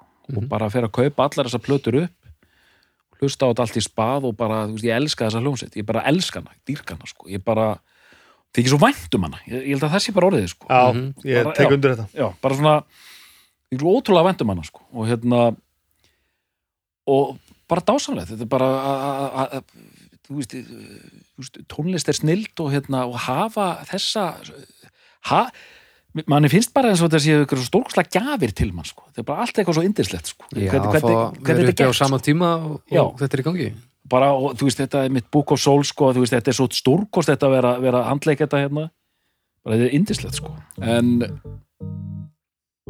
ég segi þetta gott frá mér ég er bara, bara allt, allt, allt indislegt